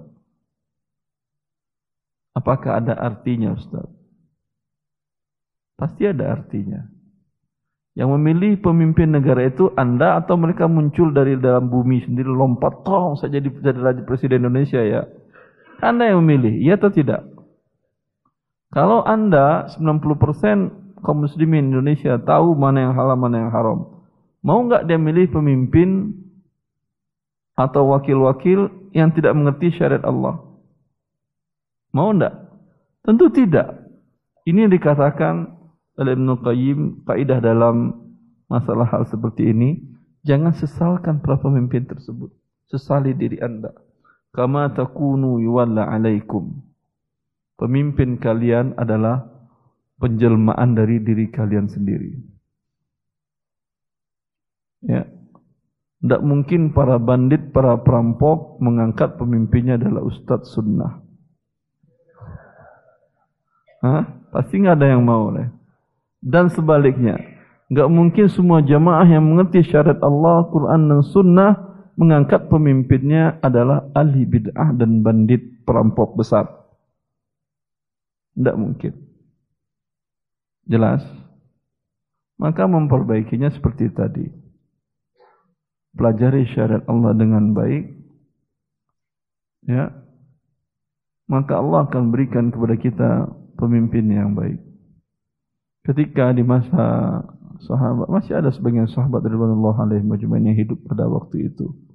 Ada seorang pemimpin yang dikenal dengan Safah yang sangat rusak. Hajjat bin Yusuf As-Saqafi. Ya. Maka sebagian ulama mengatakan kepada itu ini karena dosa yang kalian buat. Karena dosa yang kalian buat. Maka Allah berikan kalian pemimpin seperti ini. Umar bin Khattab radhiyallahu anhu, Umar bin Abdul Aziz pemimpin adil yang dikenal dalam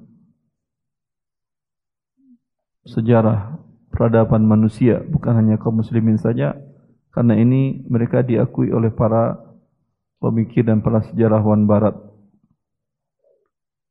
itu nggak mungkin muncul kalau di zaman sekarang.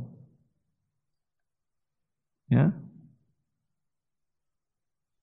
Maka ketika salah seorang pemimpin yang berbuat zalim, dia dikritisi oleh rakyatnya, dia mengatakan, saya adalah penjelmaan dosa-dosa kalian. Ya.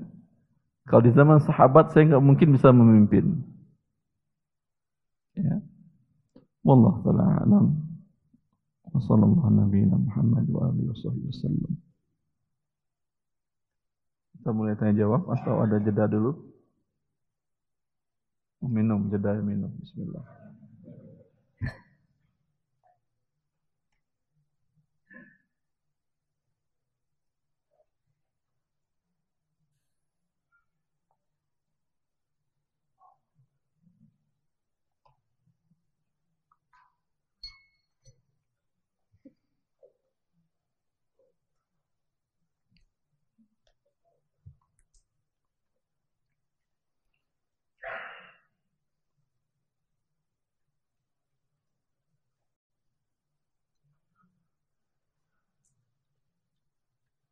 Ini ada berapa pertanyaan? Bismillah, kita mulai. Alhamdulillah wassalatu wassalamu ala Rasulillah wa ala alihi wa wa ba'du. Ustaz, jelaskan keutamaan wakaf dan peranannya terhadap kemajuan umat dan apakah benar wakaf Utsman bin Affan masih mengalir sampai saat sekarang? Masya Allah. Ya. Ini pertanyaannya bagus mengenai wakaf. Dan ini juga yang digunakan oleh Rasulullah SAW dalam mencari apa namanya income pemasukan anggaran negara. Ya. Permasalahan pajak dan ini kezaliman lagi dari pihak negara. Permasalahan pajak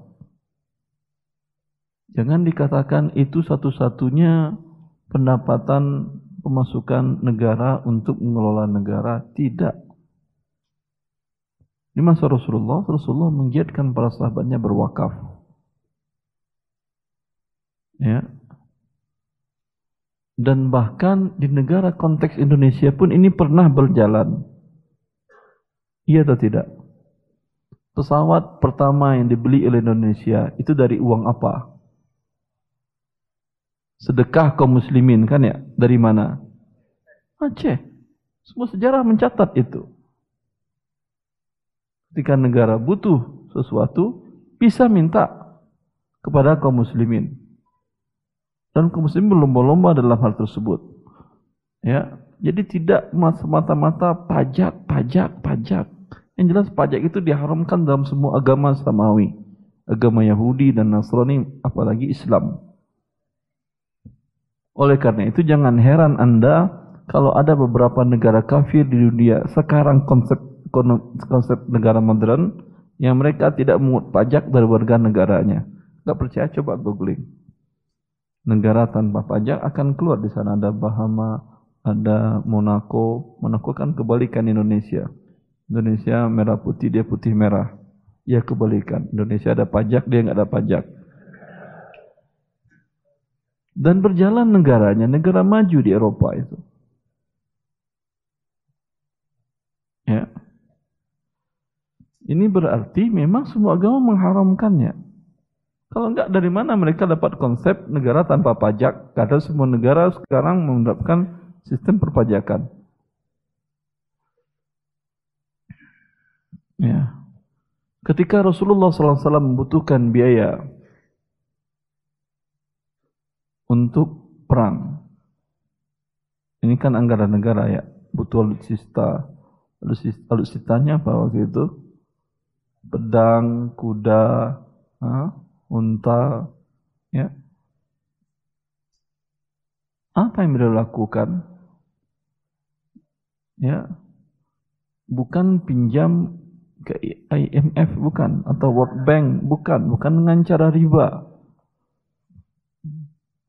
Karena bila itu dilakukan, sebelum Anda berperang, azab Allah sudah turun duluan.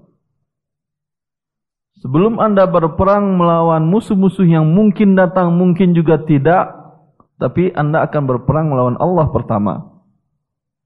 Bukankah Allah telah mengatakan, فَإِنْ لَمْ تَفْعَلُوا فَأْذَنُوا بِحَرْبٍ مِّنَ اللَّهِ وَرَسُولِهِ Jika kalian tidak berhenti dari berbuat riba, berarti kalian mengumumkan perang melawan Allah dan Rasulnya. Melawan Allah, perang melawan Allah jauh lebih berat daripada melawan Amerika, Rusia, Soviet, dan negara-negara lainnya yang menurut Anda memiliki alutsista yang luar biasa sekarang. Karena tahukah Anda besarnya Allah yang kita katakan dalam setiap waktu kita Allahu Akbar, Allah Maha Besar.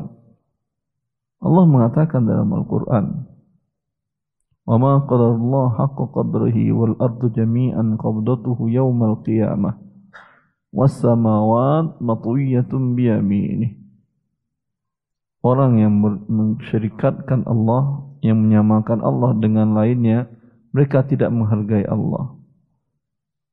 Di hari kiamat nanti bumi ini dengan seluruh isinya ini yang di atasnya ada miliaran manusia, ada pepohonan, ada gunung, ada sungai, ada laut, ada bebatuan. Qabdatuhu dalam bahasa Arab qabdah itu ini.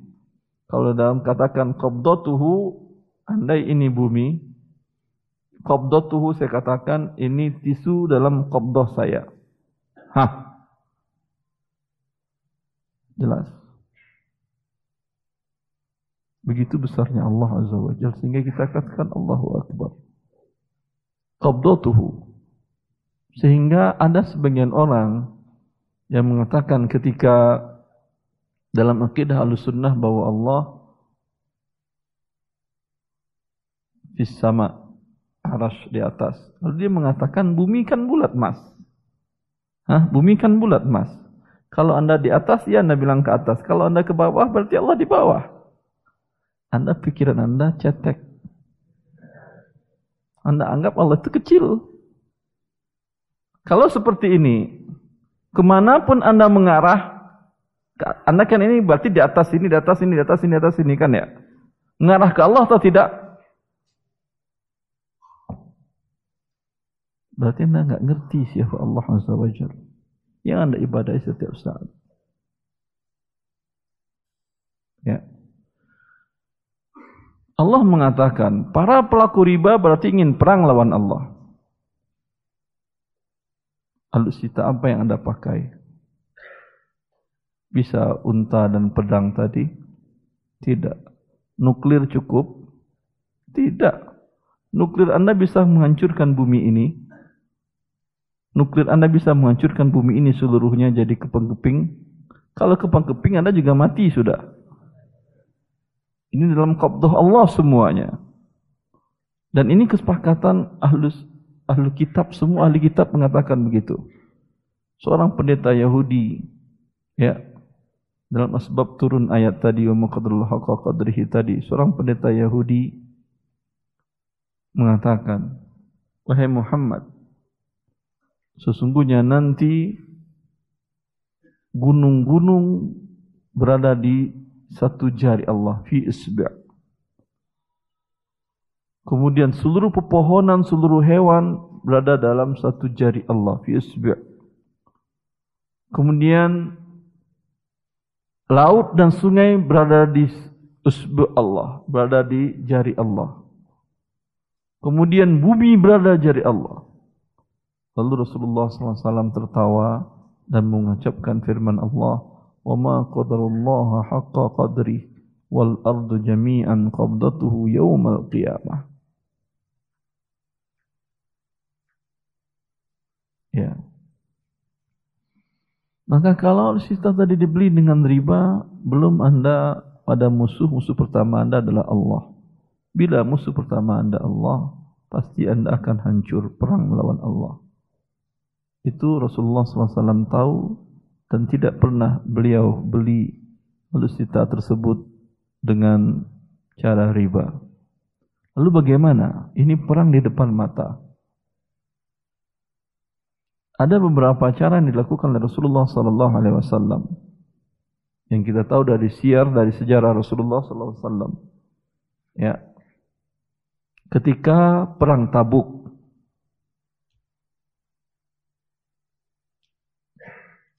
dikenal juga dengan Jaisul Usrah. Apa artinya ini? Perang Tabuk dikenal dengan perang apa? Jaisul Usrah. Usrah tersebut sulit. Kenapa sulit? Karena perang itu terjadi di musim apa?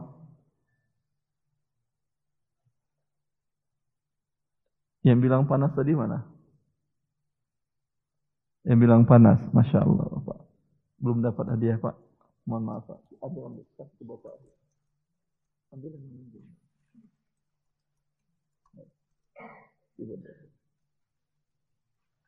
Ya, di musim panas. Di musim panas, unta bisa mengeluarkan AC enggak? Kalau antum sekarang, ah enggak ada musim panas di Arab Ustaz. Iya, anda naik mobil dari pesawat dari AC sampai ke Mekah AC lagi di Masjidil Haram pun ada AC yang subhanallah. Itu berapa wattnya kita enggak tahu. Ya, jutaan watt mungkin terbuka begitu nggak berasa panas bagi Anda. Kau dulu ndak ada AC. Dan panasnya gurun itu, walaupun dalam mobil, saya pernah cek kalau mobil itu dibiarkan uh, apa parkir di bawah, tidak ditutup bagian depannya. Kadang walaupun ditutup, itu cek kalau pakai termometer keluar angka 51 derajat Celcius. Ah, setengah lagi, 49 lagi mendidih air sudah. Begitu terik panasnya di tersebut. Ini dari sisi cuaca. Dari sisi persiapan apa logistik eh, makanan pokok perang tidak ada.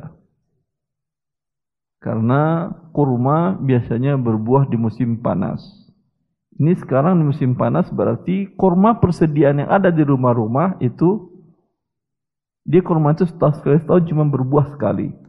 Berarti kurma yang tersedia itu apa nama istilahnya? Injury time. Ah, dah mau habis.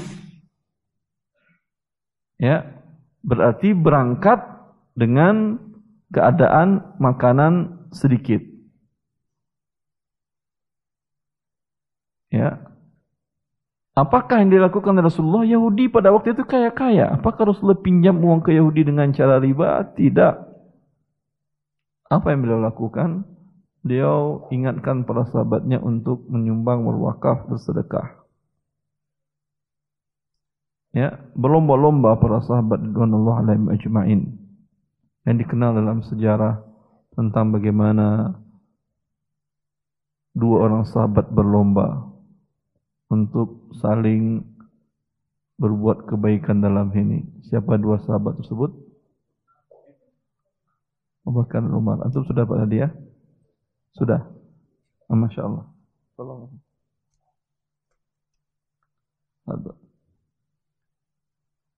Abu Bakar dan Umar.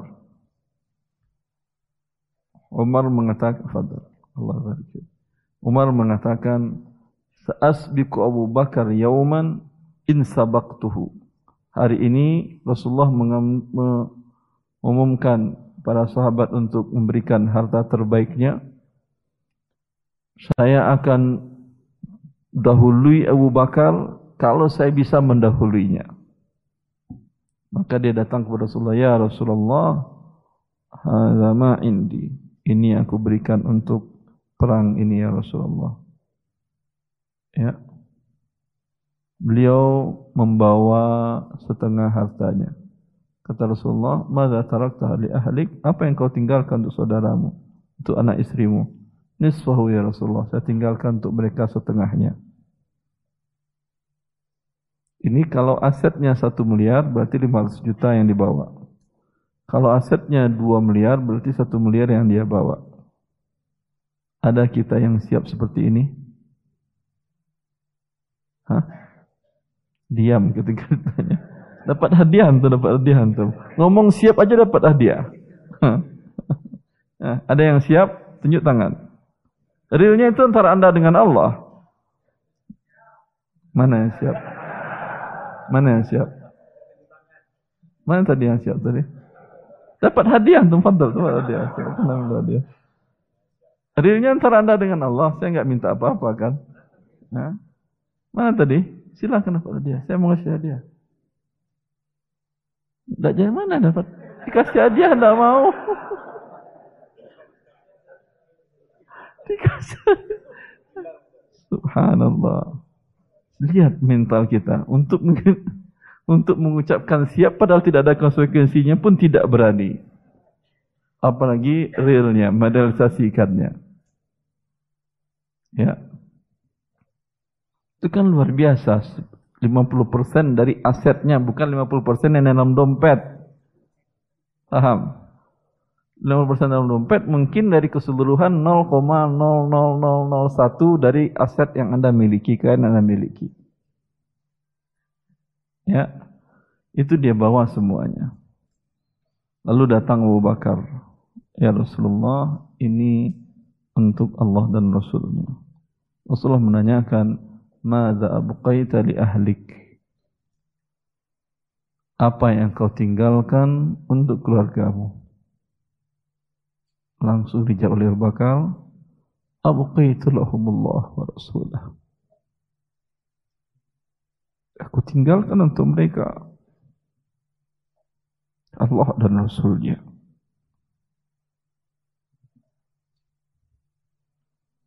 Ini iman ya ikhwan fillah.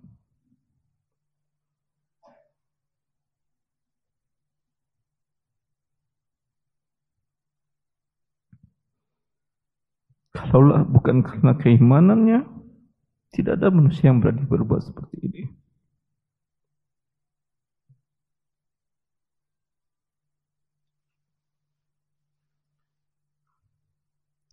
Sampai bapak beliau, Kuhafah, ketika mengetahui Abu Bakar akan menyumbangkan hartanya untuk perang tabuk tersebut, dia menanyakan kepada istri Abu Bakar. Apakah dia meninggalkan untuk kalian?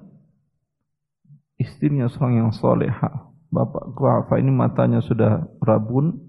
Maka dia mengambilkan batu-batu dan dia bilang kerincing bunyi. Ini yang ditinggalkan Abu Bakar masih ada. Didukung dengan istri dan keluarga yang soleha.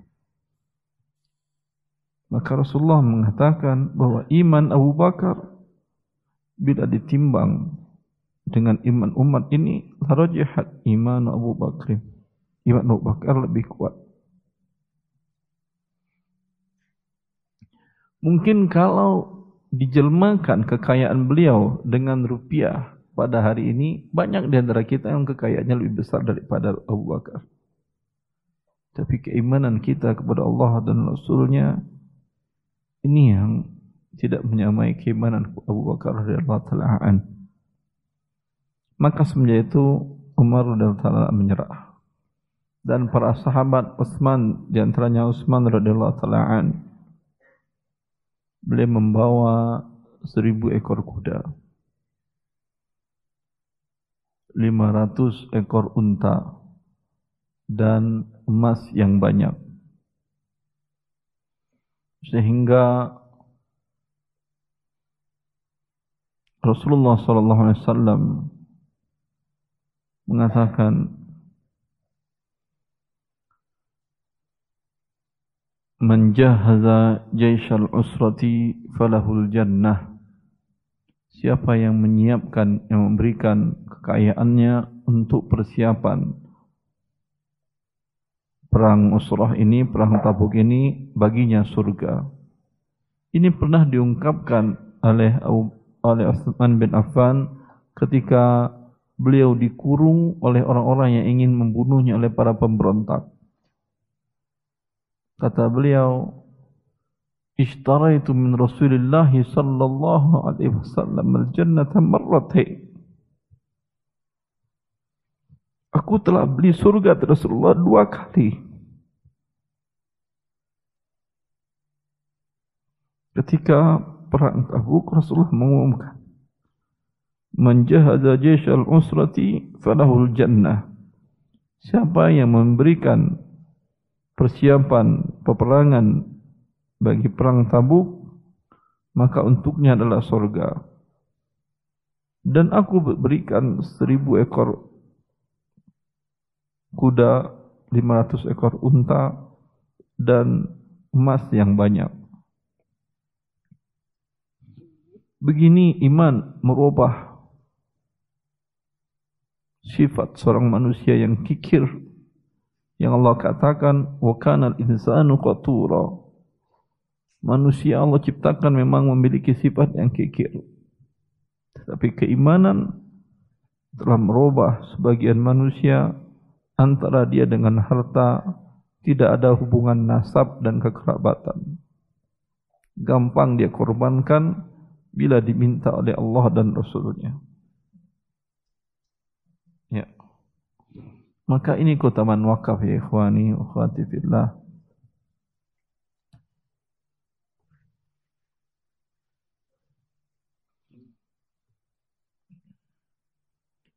Anda mungkin sudah berkalang tanah. Tetapi harta yang Anda wakafkan tersebut bermanfaat bagi kaum muslimin. Dan wakaf tersebut pernah membiayai negara. Masa-masa seperti yang saya katakan mulai dari masa Rasulullah sallallahu alaihi wasallam sampai sekarang. Coba anda cek di googling akan anda temukan tapi berbahasa Arab. Tahu coba coba pakai bahasa Inggris atau bahasa Indonesia bahwa salah satu bank di negara Saudi Arabia itu ada di sana rekening atas nama Sayyidina Utsman bin Affan. Ceritanya panjang, bermula dari ketika hijrah ke Madinah dan di waktu hijrah tersebut di Madinah sumber air dikuasai oleh Yahudi. Namanya sumber air Ma'unah. Beda riwayat, sebagian ada mengatakan Yahudi, sebagian punya orang, semuanya orang dari kabilah yang lain. Kemudian penduduk kaum muslimin yang hijrah dari luar Madinah semakin banyak tentu kebutuhan akan air semakin tinggi. Maka Yahudi ini memanfaatkan kondisi ini. Dia jual air walaupun setetes, nggak ada yang gratis. Setetes pun dia jual. Ya. Melihat kondisi ini, maka Rasulullah SAW mengumumkan kepada para sahabatnya, Kata Rasulullah SAW, Man ishtara bi'ral ma'unati falahul jannah. Siapa yang membeli sumur ma'unah tadi dan mewakafkannya untuk kaum muslimin, maka baginya surga. Ya. Maka Utsman bin Affan beliau berusaha membeli itu. Tapi Yahudi ini enggak mau jual. Yahudi pintar. Ya. Sebagian orang terkadang tanahnya bagus tapi kan diiming-iming harga yang tinggi main lepas main jual saja. Yahudi bukan seperti itu. Yahudi tidak mau jual semuanya. Tapi dia tetap ingin punya uang tunai juga. Dibayar mahal oleh Subhan bin Affan. Maka dia jual sahamnya 50 persen. Karena dia tahu Utsman seorang tajir. Utsman ahli bisnis. Kalau dia berbisnis dengan orang pintar, kemungkinan hartanya naiknya cepat. Kata dia, ya udah, sehari bagianku, sehari bagianmu, wahai Utsman. Maka Yahudi tadi ketika di bagian hari Yahudi dia jual dengan harga semahal-mahalnya dan sepelit-pelitnya. Di hari Utsman bin Affan, beliau wakafkan. Yang mau ambil, ambil, ambil, ambil. Nah, ambil sebanyak-banyaknya silahkan. Anda tahu kenapa mahal sumur di Arab itu? Untuk mendapatkan air sumur, itu Anda harus menggali tidak kurang 100 meter kedalamannya. Dan dulu tidak ada teknologi tembak pakai memboran dengan artesis, tidak ada. Gali ya gali pakai cangkul, pakai apa Berarti permukaan atas kalau 100 meter itu berapa lebarnya? Gak kurang satu 100 meter juga atasnya. Karena kalau 3 meter seperti Indonesia, baru 10 meter udah mati dia. Hah? Luas berarti tanahnya memang luas. Luas sumber-sumber itu di atasnya. Karena itu dia mahal harganya. Makan tanah yang besar dan penggaliannya nggak gampang. Ya. Ketika giliran Utsman dia wakafkan. Apa yang terjadi? Pada giliran Yahudi esoknya ada yang belanja lagi. Enggak ada orang belanja. Heran ya, kenapa giliran saya nggak ada yang belanja? Dia cari tahu ternyata Utsman mewakafkan sahamnya dia untuk kaum muslimin. Lalu kata dia, ya udah kau beli aja saham saya sisanya.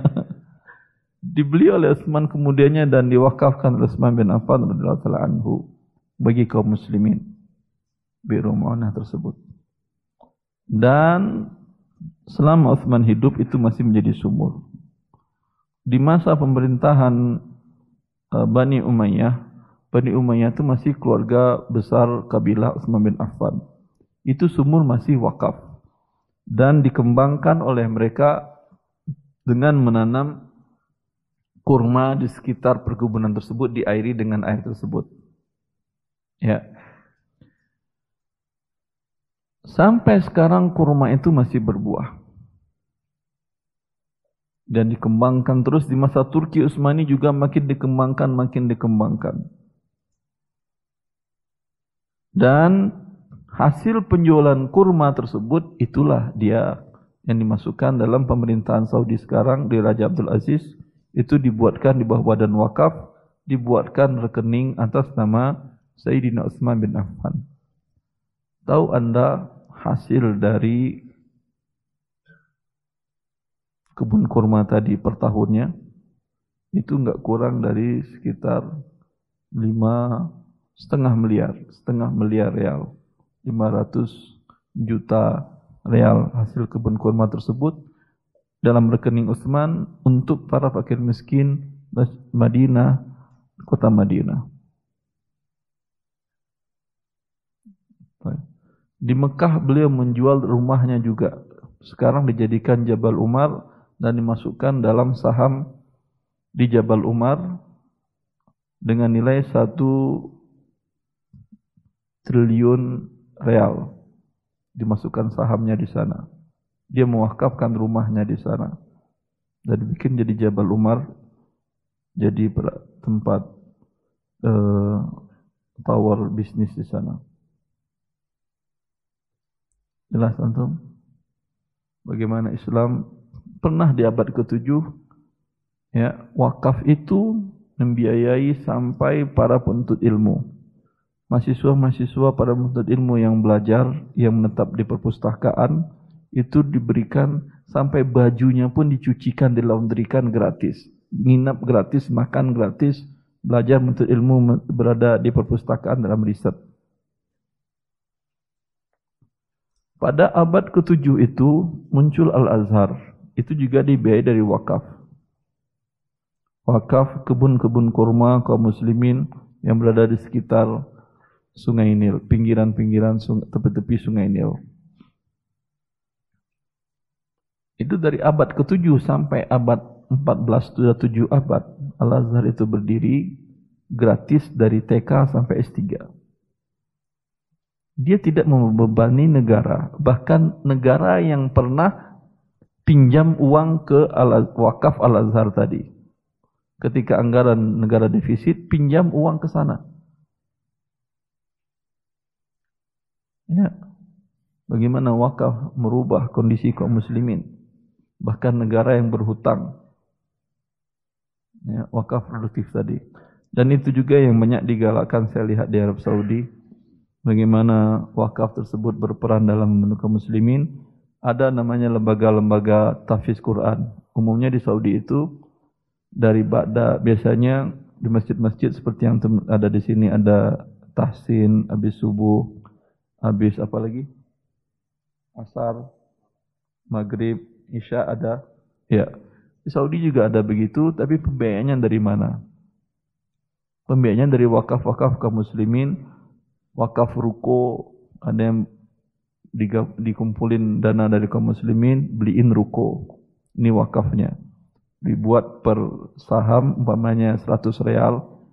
Ya, kalau tadi berapa yang antum buat? 10 ribu. 10 ribu sampai 100 ribu. 100 real berarti berapa itu? 400 ribu. 10 ribu dapat apa? Dapat paku satu. Tapi di sisi Allah besar. Mungkin dapat pak, pak satu paku antum. Tapi di sisi Allah besar. Yurabbihi kama yurabbi ahadukum fuluwahu. Allah menerima sedekah kita.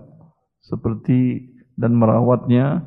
Seperti salah seorang kita, kata Rasulullah, merawat anak kuda aja. Seorang anak kuda adalah harta kecintaan seseorang. Sama seperti Anda punya mobil mewah, tentu perawatan Anda beda dengan mobil yang lain. Dirawat dengan seksama. Begitu Allah merawat sedekah dan wakaf kita. Sampai nanti di hari akhirat Anda dapatkan harta Anda itu menjadi besar. Lalu Allah katakan, ini wakafmu dulu. Ini sedekahmu dulu. Ya Rab, kok besar banget dulu cuma satu sepuluh ribu rupiah. Itu yang sepuluh ribu ya. Apalagi kalau yang sejuta atau yang sepuluh juta. Ya, itu saya sepuluh ribu kata Allah saya kembangkan seperti ini. Begitu apalagi yang kalau menyerahkan kelipatan yang lebih besar. Walhasil anda berdagang dengan Allah tidak akan pernah merasa rugi. Tidak akan pernah ada pihak yang dirugikan bila berdagang dengan Allah Azza wa Jalla. Ini sedikit tentang wakaf, bagaimana peranannya membiayai. Dengan demikian, negara nggak pusing biaya pendidikan lagi. Tidak pitang dengan riba lagi ke sana kemari untuk biaya pendidikan. Bahkan negara yang pinjam uang pendidikan tadi, wakaf tadi. Luar biasa atau tidak? Ya. Dan banyak di masa kemasan Islam itu, wakaf-wakaf tadi itu makan membuat rumah sakit dan bermacam kebutuhan kaum muslimin jalan dibuat dari wakaf perpustakaan dibuat dari wakaf dan seterusnya.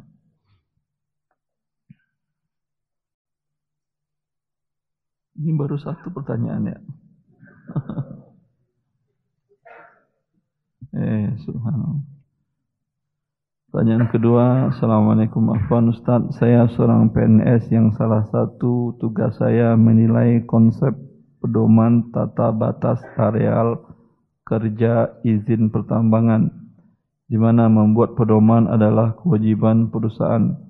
Apakah boleh saya menerima pemberian uang dari perusahaan setelah selesai pekerjaan karena terkadang bekerja di luar jam kantor? Baik. Anda biasanya lembur itu gaji dari pihak instansi atau pihak luar? Iya kan ya? Logikanya kan begitu. Kalau ini alasannya lembur tapi minta uangnya kepada klien. Ini uang lembur atau uang rasuah? Uang rasuah kan? Ya. Kalau lebih 500 ribu urusan Anda bukan dengan saya lagi dengan KPK udah. Ya. Walaupun di bawah 500 ribu, Allah tetap mengharamkannya. Ar-rashi wal murtashi finnar. Pemberi riswah dan penerima riswah dalam neraka. Walaupun sekecil apa pun juga. Ya. Maka kalau anda merasa terzalimi, minta ke instansi anda. Pak, saya ada lembur. Kalau nggak dikasih ya, minta ke Allah. Apakah boleh saya bertindak sebagai konsultan yang membuatkan konsep pedoman di luar jam kantor dan tanpa menggunakan fasilitas kantor? Boleh, tapi resign dulu dari instansi ini. Buka setelah itu PT konsultan apa namanya ini pedoman pembuatan uh, kerja di bidang tambang. Boleh, tapi resign. Ya, kalau resign terputus gaji Anda, gaji mungkin terputus, rezeki terputus. Tidak. Orang berpikirkan begitu. Kalau resign berarti saya nanti makan apa Ustaz? Ya makan nasi lah. Semua orang juga enggak, bukan PNS, bukan apa-apa, makannya juga nasi. Enggak ada yang makan batu. Ya. Rezeki Allah yang berikan. Ya. Tapi kalau Anda memangnya khawatir begitu begini segala macam, ya udah. Cukupkan dengan rezeki yang ada dari instansi tadi. Kurang Ustaz. Kalau kurang minta ke Allah. Allah berikan dengan jalan yang baik dan yang halal. Baik.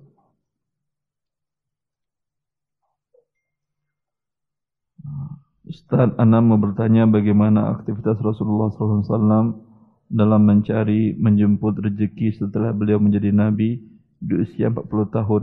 Apakah masih berdagang atau aktivitas lain? Syukran wa jazakallahu khair ya Ustaz. Rasulullah sallallahu alaihi wasallam setelah beliau menjadi nabi, beliau enggak ada aktivitas dagang lagi.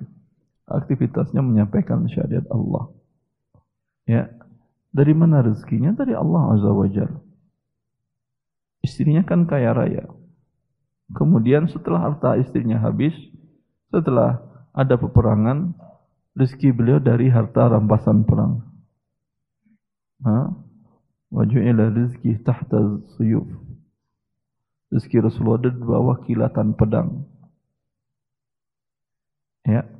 Dan karena itu juga Rasulullah SAW ketika perang Tabuk tadi itu yang beliau ingatkan kepada para sahabat untuk mendorong motivasi mereka ya ta'alu nuqatilu banatil asfar ketika perang, yang ikut perang itu dapat rampasan perang. Rampasan perang bisa harta, bisa hewan, bisa emas dan perak, bisa juga orang-orang, manusia.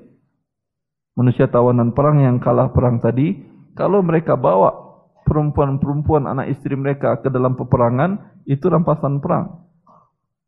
Jadi budak. Ya. Islam membolehkan perbudakan Ustaz. Islam bukan membolehkan perbudakan, tapi perbudakan itu sudah ada dan Islam hanya melanjutkan saja. Tapi kemudian menguranginya dengan cara banyak dosa-dosa yang ditebus dosa tersebut dengan memerdekakan budak setelah dia menjadi Islam, Muslim. Paham? Berarti Islam tidak menghargai hak asasi manusia, Ustaz. Islam sangat menghargai hak asasi manusia. Andai orang kafir tadi yang tidak menjadi tawanan, hidup di negara kafir, mungkin dia masuk Islam atau tidak? Hah? Tidak mungkin lah. Kalau dia masuk Islam, dia akan dibunuh oleh saudara-saudaranya. Agama musuh. Iya atau tidak? Dia hidup dengan nyaman dan tenang dan tentram. Tapi akhir kehidupannya nanti dia masuk ke mana? Pasti neraka. Anda yakin? Baik. Yang ditawan menjadi budak, menjadi budak negeri Islam, bisa diperjualbelikan sebagai harta. Ya. Walaupun hilang haknya sebagai manusia ketika itu, kalau dia masuk Islam, tetap juga jadi budak.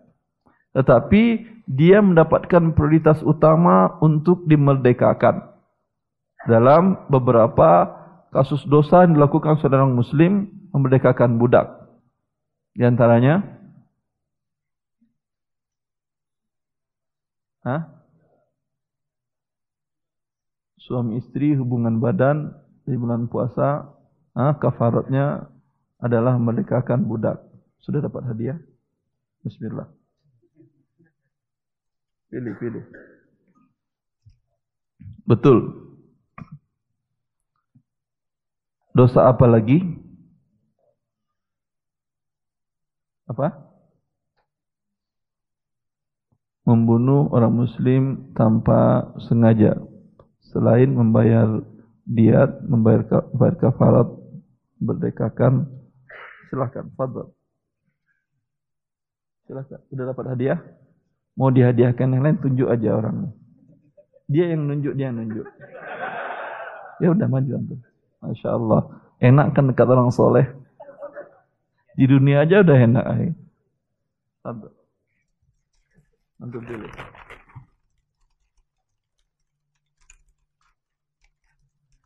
Ke mana dia yang ngasih?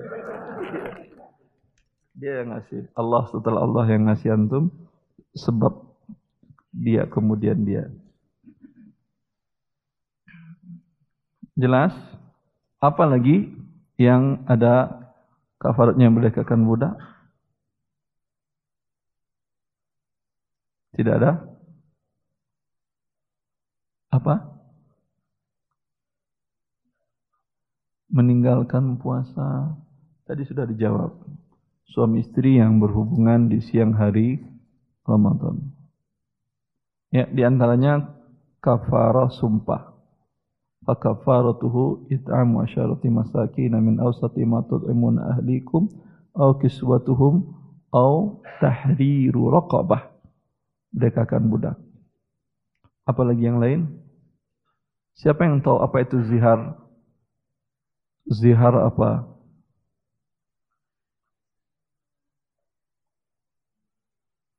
Ya udah, tunjuk lagi siapa yang mau Anda kasih. Fadal, maju untuk dikasih hadiah sama orang soleh untuk.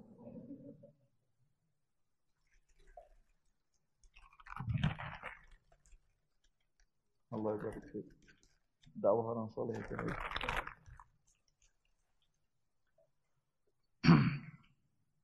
Ya, dengan demikian, ketika dia dimerdekakan, andai dia tidak dimerdekakan pun, memungkinkan dia untuk jadi Islam atau tidak? Sangat memungkinkan. Dia lihat kehidupan yang berbeda, rumah tangga yang berbeda. Ya, antara di negerinya di negeri kafir dengan di negeri muslim. Tersentuh hatinya dengan keislaman. Banyak kaum muslimin, banyak orang-orang kafir seperti ini ya ikhwan. Ya, saya ada teman-teman yang bekerja di dealer mobil Toyota terbesar di Saudi Arabia itu punya muslim Abdul Jamil. Di sana ada karyawan mekanik-mekaniknya yang dari negeri muslim dari Indonesia. Dan negeri negara kafir dari Filipina, ada dari agamanya Kristen, dari India, agamanya Hindu, Buddha, dan lain-lain. Dan kebijakan perusahaan gaji sama. Sekitar mekanik itu sekitar 2.500 real. Tapi yang diterima muslim terkadang sampai 4000 real atau lebih. Kenapa? Sisanya adalah zakat perusahaan. Ya, zakat perusahaan. Yang muslim dapat. Kenapa? Karena di sana UMR untuk hidup layak itu sekitar 4.500 real. Maka sisanya ditutupi, dianggap dia miskin, dapat dia zakat. Kenapa gajinya nggak UMR? Itu UMR untuk orang Saudi. Kalau mereka itu standar gaji per negara. Negara yang mata uangnya tinggi, gajinya lebih tinggi dari negara yang mata uangnya kondisi ekonominya lebih rendah. Karena menurutnya gaji 2.500 di Indonesia sudah sangat tinggi. Ya, karena itu mereka terapkan tetapi UMR untuk Saudi 4.500. Selisihnya yang muslim ditutupi dengan zakat. Karyawan yang non muslim apa yang dia lakukan? Hah? Kalau mau naik gaji anda, ucapkan asyhadu alla ilaha illallah wa anna muhammadar rasulullah. Iya atau tidak? Dan itu yang terjadi. Masalah dia sholat, dia nggak puasa itu kan urusan dia dengan Allah. Yang jelas gaji naik. Iya atau tidak? Itu enaknya hidup di tengah-tengah kaum muslimin. Memungkinkan dia tertarik pada agama Allah. Ya. Sehingga si budak tadi sangat sangat gampang dan diharapkan menjadi uh, menjadi muslim. Dan ingat anda, ada sebagian tabi'in, tabi'in yang menjadi ulama kaum muslimin dan dia asalnya budak. Di antaranya budak dari Abdullah bin Umar. Abdullah bin Umar dikenal dengan sahabat Rasulullah SAW yang banyak ilmunya karena dia sering dekat dengan Rasulullah SAW. Dan yang paling dekat dengan beliau adalah budaknya yang menjadi ulama di masa tabi'in. Siapa namanya? Nafi. Fadal.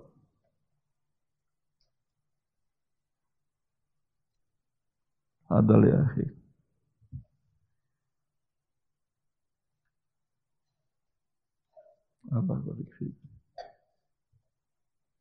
Siapa lagi ulama tabi'in yang dia adalah budak? Ulama tabi'in. Atta bin Nabi Rabah. Fadal. Dia dekat dengan siapa? Budaknya siapa dia? Abdullah bin Abbas dia. Fadal. Ambil. Dua. Masya Allah. Beliau ngasih syafaat untuk antum ya. Beliau ngasih syafaat dua, dua, dua. Beliau ngasih syafaat dua Ustaz. Kalau antum hadiahkan ke dia juga boleh. Oh, Masya Allah. Itu namanya syafaat. Nanti di akhirat kita berharap syafaat orang-orang seperti itu. Amin. Ya. Kenapa dia menjadi menjadi ulama di masa itu? Karena para, para tabiin-tabiin yang lain sibuk dengan kehidupan masing-masing. Yang budak ini dekat dengan para ulama sahabat tadi. Mereka lah yang mewarisi para ilmu para sahabat tadi. Ya. Allah Jelas ini.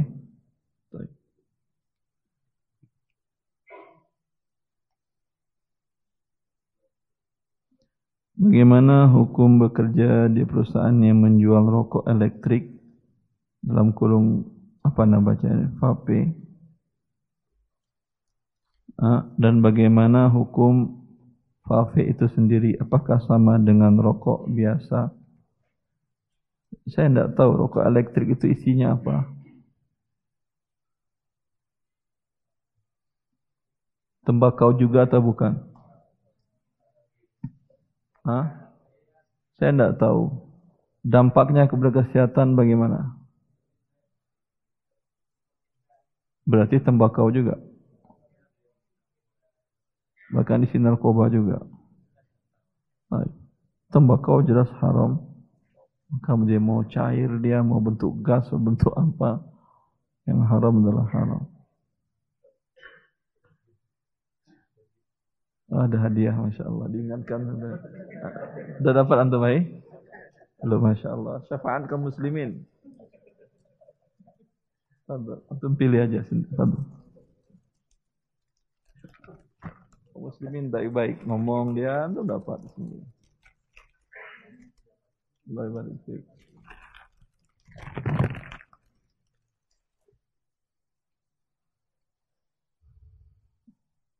Apakah uang sumbangan lembaga digunakan untuk acara kantor? Apakah boleh? Kalau haram, baiknya meng hadiri acara tersebut atau tidak. Saya nggak paham apakah uang sumbangan lembaga digunakan untuk acara kantor. Maksudnya apa ini? Nggak paham saya. Lewat. Yang bertanya mana dapat hadiah ini karena saya nggak paham. Mana yang bertanya? Ibu-ibu. Siapa yang bertanya? Subhanallah, antum orangnya sangat amanah. Padahal tinggal berdiri aja kan gak ada yang tahu. Alhamdulillah masih ada amanah di akhir umat Muhammad sallallahu alaihi wasallam. Kalau yang ada nanti tenang panitia aja ya. Ustaz, Ana mau tanya suami Ana kerjanya di lapangan. Apa ini? Kemudian uh,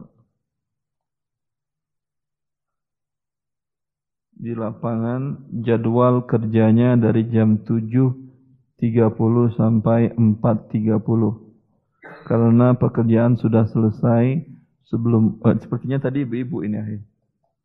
Ya, kasih aja. Sebelum waktu yang ditentukan suami suka langsung pulang ke rumah. Itu bagaimana ya Ustaz? Ya. Anda sebagai istri wajib menasihati suami dalam hal ini ya ucapkanlah kata yang baik mungkin mas atau abi atau apa namanya anda katakan kepada dia ya aku cinta denganmu ingin selalu bersamamu ingin kau selalu di rumah tapi bukan untuk maksiat kepada Allah sekarang kau di rumah sebelum jam pulang sudah di rumah berarti yang kau bawa adalah gaji yang merupakan neraka Allah. Selisih antara jam yang tidak di kantormu. Ya. Karena kalau orang Sunda usir marah dia. Ini rumah rumahku, kenapa kau usir-usir di sini? Kau suruh mas di kantor aja kan belum jamnya. Ini kan di ini rumah rumahku, kenapa kau usir-usir? Apa kau tidak sayang lagi kepadaku? Hah? Ya, Anda katakan karena sayangku kepadamu lah Aku suruh engkau ke kantor agar aku dan anak-anakmu dan dirimu tidak dimurkai Allah dan agar yang kita makan santap bersama dari rezekimu, dari gajimu adalah makanan bukan neraka Allah. Ya. Para wanita salaf dikatakan oleh Ibnu Khalikan mereka selalu membisikkan kepada suaminya. Ya zauj fa inna nasbiru ala jaw wa la nasbiru ala azabillah wahai suamiku engkau pulang ke rumah tidak bawa uang tidak bawa hasil apapun makanan hari ini aku dan anak-anakmu masih bisa bertahan sehari dua hari menahan lapar tidak makan tidak minum tapi kalau engkau pulang membawa harta hasil dari yang haram aku dan anakmu tidak ada yang kuat menahan api neraka Allah. Ini yang selalu mereka bisikan kepada suami-suami mereka. Sehingga bisikan ini yang menyebabkan para aparat negara, para pedagang, para penjual jasa, para pembeli, semuanya takut kepada Allah. Karena selalu ketika akan berbuat maksiat, ya, terngiang nasihat istri dan anak-anaknya terbayang oleh dia wajah istri dan anaknya makan neraka. Nah, coba anda bayangkan ketika yang dimakan oleh istri anda bukanlah nasi, anak anda yang disuapnya bukan susu, diminumnya bukan susu, bukan kue, tetapi neraka yang masuk ke mulutnya. Yang anda tahu bahwa setitik bunga api neraka diinjak, keinjak atau kena badan, otak mendidih, benda padat mendidih dengan jarak panjang satu meter lebih. Tidak ada api dunia yang bisa sampai seperti itu.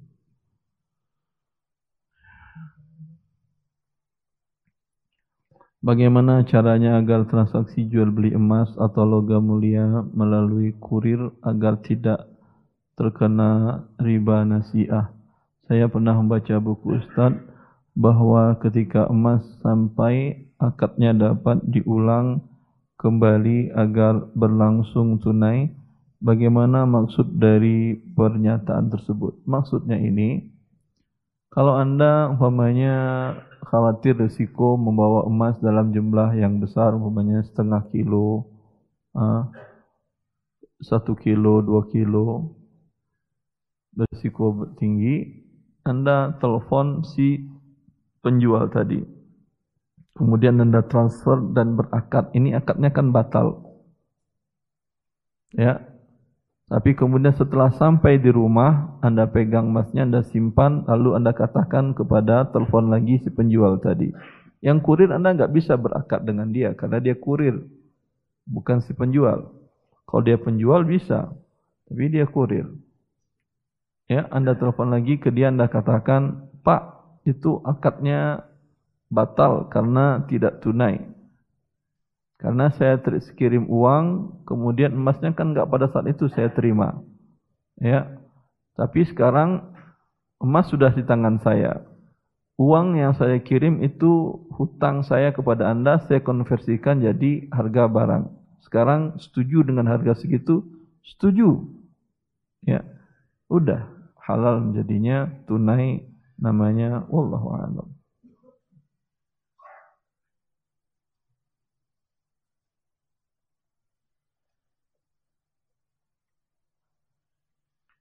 Ustaz merokok haram, menjual rokok haram, bekerja di pabrik rokok haram. Bagaimana dengan petani tembakau? Apakah haram juga? Kita tidak tahu tembakau digunakan untuk rokok atau kosmetik atau kesehatan. Abu Hafsah. Ini penemuan baru, rokok untuk kesehatan. Ada tembakau, maaf, tembakau untuk kesehatan. Ada tembakau untuk kesehatan? Setahu saya, saya membaca bereferensi, rokok itu selain kegunaannya untuk, maaf, tembakau itu kegunaannya selain untuk rokok, tidak ada kegunaan lain kecuali sebagai pestisida organik. Ya, pengganti pestisida dan kimia, pembunuh hama, ya, itu kan pakai pestisida kimia. Itu biasanya merusak kepada tanaman berdampak kepada buah yang berdampak kepada manusia juga kesehatan manusia. Maka ada usaha membuat pestisida organik dibuat dari tembakau. Ya, pembunuh hama. Jadi si perokok itu sama dengan hama. Dibunuh dia dengan pestisida organik. Ya, tapi penggunaan tembakau untuk ini itu biayanya mahal. Karena kalah bersaing, pasti harganya harus bersaing dengan antara si produsen, si pabrik rokok dengan uh, produk pestisida organik. Iya atau tidak? Sedangkan perusahaan rokok berani harga mahal. Kalau pabrik pestisida organik tadi beli dengan harga mahal, mereka nggak bisa jual ke pasar kalah dengan pestisida kimia. Ya, paling yang digunakan tidak sampai 0,000 sekian per sejuta mungkin yang untuk pestisida organik tadi. Yang umumnya dia digunakan untuk rokok. Maka tidak bisa dikatakan halal. Karena hukum itu untuk lil ghaibi sya'i' la lin nadir Hukum adalah untuk yang umum digunakan, bukan untuk yang jarang digunakan. Ustaz, yang semoga dirahmati Allah, amin. Apa hukum menggunakan uang virtual seperti dana?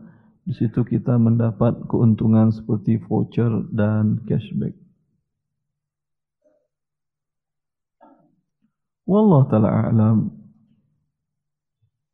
Anda mengatakan uang virtual. Betulkah akadnya tukar menukar uang? Anda tukar uang fisik satu juta dengan uang virtual. Mau Anda tukar uang Anda dengan dengan itu berbentuknya apa? Uang virtual tadi berbentuk angka atau kode Hah? Ada yang pakai chips. Kalau pakai chips berarti masuk uang Anda ke situ. Ya. Ada yang berbentuk password. Ya. Ini yang disebutkan tadi berbentuk yang mana? Dia enggak pakai chips, enggak kan ya? Tidak pakai kartu dia kan ya? Pakai password atau pakai apa?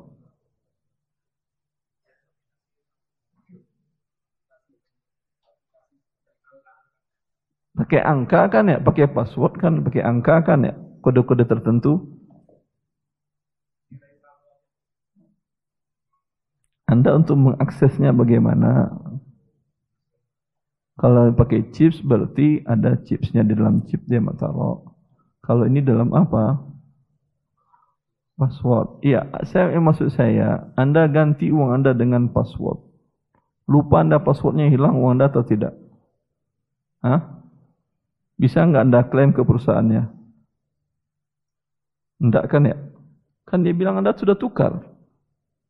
Sudah tukar uang Anda, berarti uang Anda hilang seperti uang Anda jatuh dalam dompet, jatuh. Bisa Anda klaim ke pihak perusahaan, baru terima gaji satu juta, ya, kemudian jatuh di jalan. Anda klaim lagi ke pihak yang gaji Anda, uang saya jatuh, hilang. Enggak kan ya? Kata mereka begitu. Lupa Anda berarti sudah hilang. Dan itu yang terjadi pada cryptocurrency di Kanada, di, Kanada, di mana? Kanada yang baru-barusan ini. 2 triliun uang orang menguap karena yang pemegang passwordnya mati. Hah? Uang orang hilang. Kan kalian sudah tukar uang ke saya. Padahal uangnya tentu ada fisiknya sama dia. Ya atau tidak? Tapi dianggap sudah tukar menukar. Berarti kan uang kalian hilang. Karena seperti itu. Walhasil kalau tidak darurat jangan. Anda, anda hanya ingin mengharapkan uh, tukar menukar kemudian dapat tambahan cashback, dapat voucher. Ini berarti tukar menukarnya tidak sama jumlahnya. Iya atau tidak? Anda tukar menukar tidak sama jumlahnya. Anda tukar sejuta, dia taruh sejuta. Tapi betulkah sejuta? Tidak, karena dia berikan cashback, berikan diskon dan segala macam. Berarti berlebih atau tidak? Berlebih, tukar menukar uang yang sejenis dengan berlebih, apa namanya? Riba namanya. Allah Ta'ala. Dan kemudian juga, jangan Anda pikir ini kemajuan. Ingat, setiap kemajuan itu berefek suatu hal yang luar biasa yang orang terkadang tidak berpikir bagus. Setiap kemajuan efeknya luar biasa. Ini seperti yang saya katakan tadi,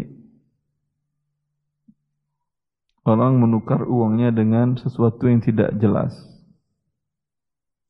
Bahkan jangankan itu, orang dahulu dari masa Nabi Adam itu mereka menggunakan uang fisik emas perak. Itu dia yang uang.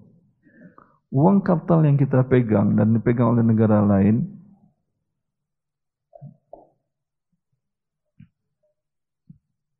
itu tidak ada kepastian jadi uang selamanya. Andailah qadar Allah semoga tidak terjadi tutup Indonesia. Diumumkan Indonesia tutup. Di tangan Anda ada 10 miliar uang fisik rupiah. Ada gunanya itu? Ada bikin layangan. Tempel-tempel, tempel-tempel bikin layangan. Kalau belanja nggak ada yang mau terima.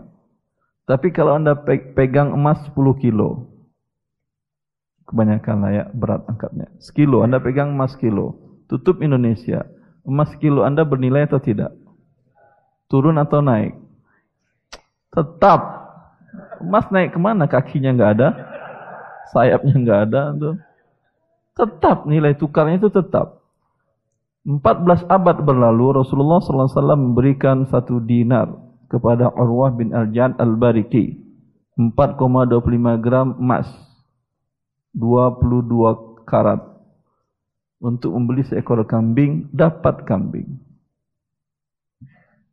Sekarang 14 abad Anda dengan satu dinar 4,25 gram berapa rupiah? 3 juta dapat kambing satu. Paham? Tahun 70 Anda punya uang 1 juta.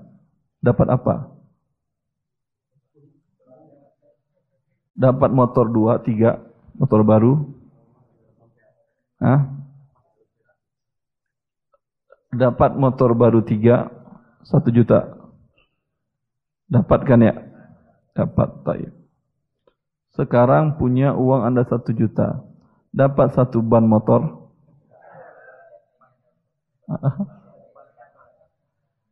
Ah, dapat ban dalamnya. Subhanallah. Ya. Itu dia uang yang ada sekarang. Ya, itu aja dengan risiko tinggi sudah. Apalagi sekarang uang kartal dipindahkan lagi kepada bentuknya virtual. Ya makin besar risikonya bagi Anda. Maka lihat kaum muslimin di daerah-daerah. Di daerah-daerah para-para kaum petani, kaum buruh, kaum petani di daerah tersebut. Mereka nyimpan emas atau rupiah yang mereka nyimpan. Emas umumnya mereka. Karena mereka mengalami dan tahu susahnya mendapatkan uang tersebut mereka nggak ingin hilang kekayaannya dari beras tadi, mereka belikan ke emas. Tidak ada mereka simpan rupiah. Karena seperti tadi mereka merasakan. Ya. Allah alam. Ustaz, saya mau bertanya, saya penjual buku, supplier. Saya menggunakan sistem PO. Invoice saya dapatkan dari supplier setelah masa PO selesai. Apabila ada customer saya yang ingin membayar bukunya yang dibeli dari saya padahal saya belum mendapat invoice dan belum membayar buku yang saya pesan. Apakah uang dari customer saya itu haram atau halal? Bagaimana solusinya untuk penjual seperti saya yang menjual buku sistem PO? Hakim bin Hizam seorang pedagang. Dia bertanya kepada Rasulullah sallallahu alaihi wasallam, "Ya Rasulullah, inni abi wa syari fa madha hillu al-yawma yahrumu alayya."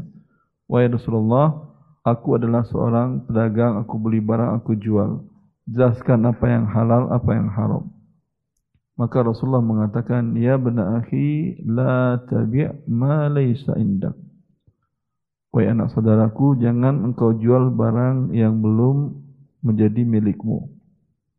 Dalam riwayat yang lain, la tabi' hatta taqbidahu. Jangan engkau jual barang yang telah engkau beli dengan akad tapi belum engkau terima. Berarti syarat boleh menjualkan barang sebagai pedagang Anda adalah pertama beli dengan akad. Kalau akad sekarang gampang, by phone pun bisa. Anda telepon dia, saya beli sekian eksemplar buku X merek itu. Buku itu judulnya. Penerbitnya itu. Bisa dengan by phone ke supplier. Tapi belum sah ini. Walaupun Anda sudah kirim uang. Belum sah Anda jualkan apabila belum Anda terima barangnya. Lalu bagaimana kalau kondisinya ada orang ingin beli dan barang belum Anda pesan ke supplier, belum Anda akadkan. Bilang ke dia, Pak, saya belum miliki. Tapi kalau Bapak mau, insya Allah nanti jam 8 malam, Bapak kami hubungin, kalau mau kita berakad. Kata dia, siap. Berarti Anda pergi dulu ke supplier, pergi beli, kemudian terima barang baru boleh Anda jualkan. Walaupun ke supplier Anda belum bayar ngutang. Boleh. Ya. Tapi biasanya pembeli kan bilang, Ya udah saya udah mumpung sekarang ada uang, saya bayar sekarang aja lah. Kalau Anda terima sebagai pembayaran, berarti Anda menjual barang yang belum Anda miliki, Anda berdosa. Lalu terkadang, nanti aja Pak, terkadang dia maksakan ya. Dia bilang nanti kalau saya tarik nanti kepakai buat kebutuhan sehari-hari nanti saya nggak bisa dapat bukunya lagi. Ya, boleh anda terima uang tetapi sebagai statusnya titipan. Ya, kalau titipan berarti uang ini belum boleh anda gunakan atau anda putar. Atau boleh akadnya kot pinjam. Kalau pinjam boleh anda putar. Yang penting anda akadkan dengan dia. Boleh pak, tapi saya pegang, saya titip dulu di saya, boleh nggak apa-apa. Tapi belum jual beli. Nanti kalau bapak sejam setelah ini, ataupun setelah buku datang bapak seketika saya konfirmasi nggak jadi beli, uang bapak saya serahkan. Ya, itu solusinya. Sangat jelas, baik offline maupun online.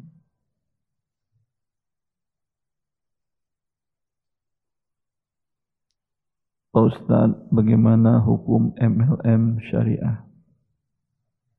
Eh, Wallahu alam.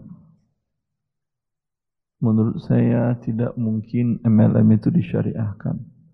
Kalau dia disyariahkan gak jadi MLM lagi dia.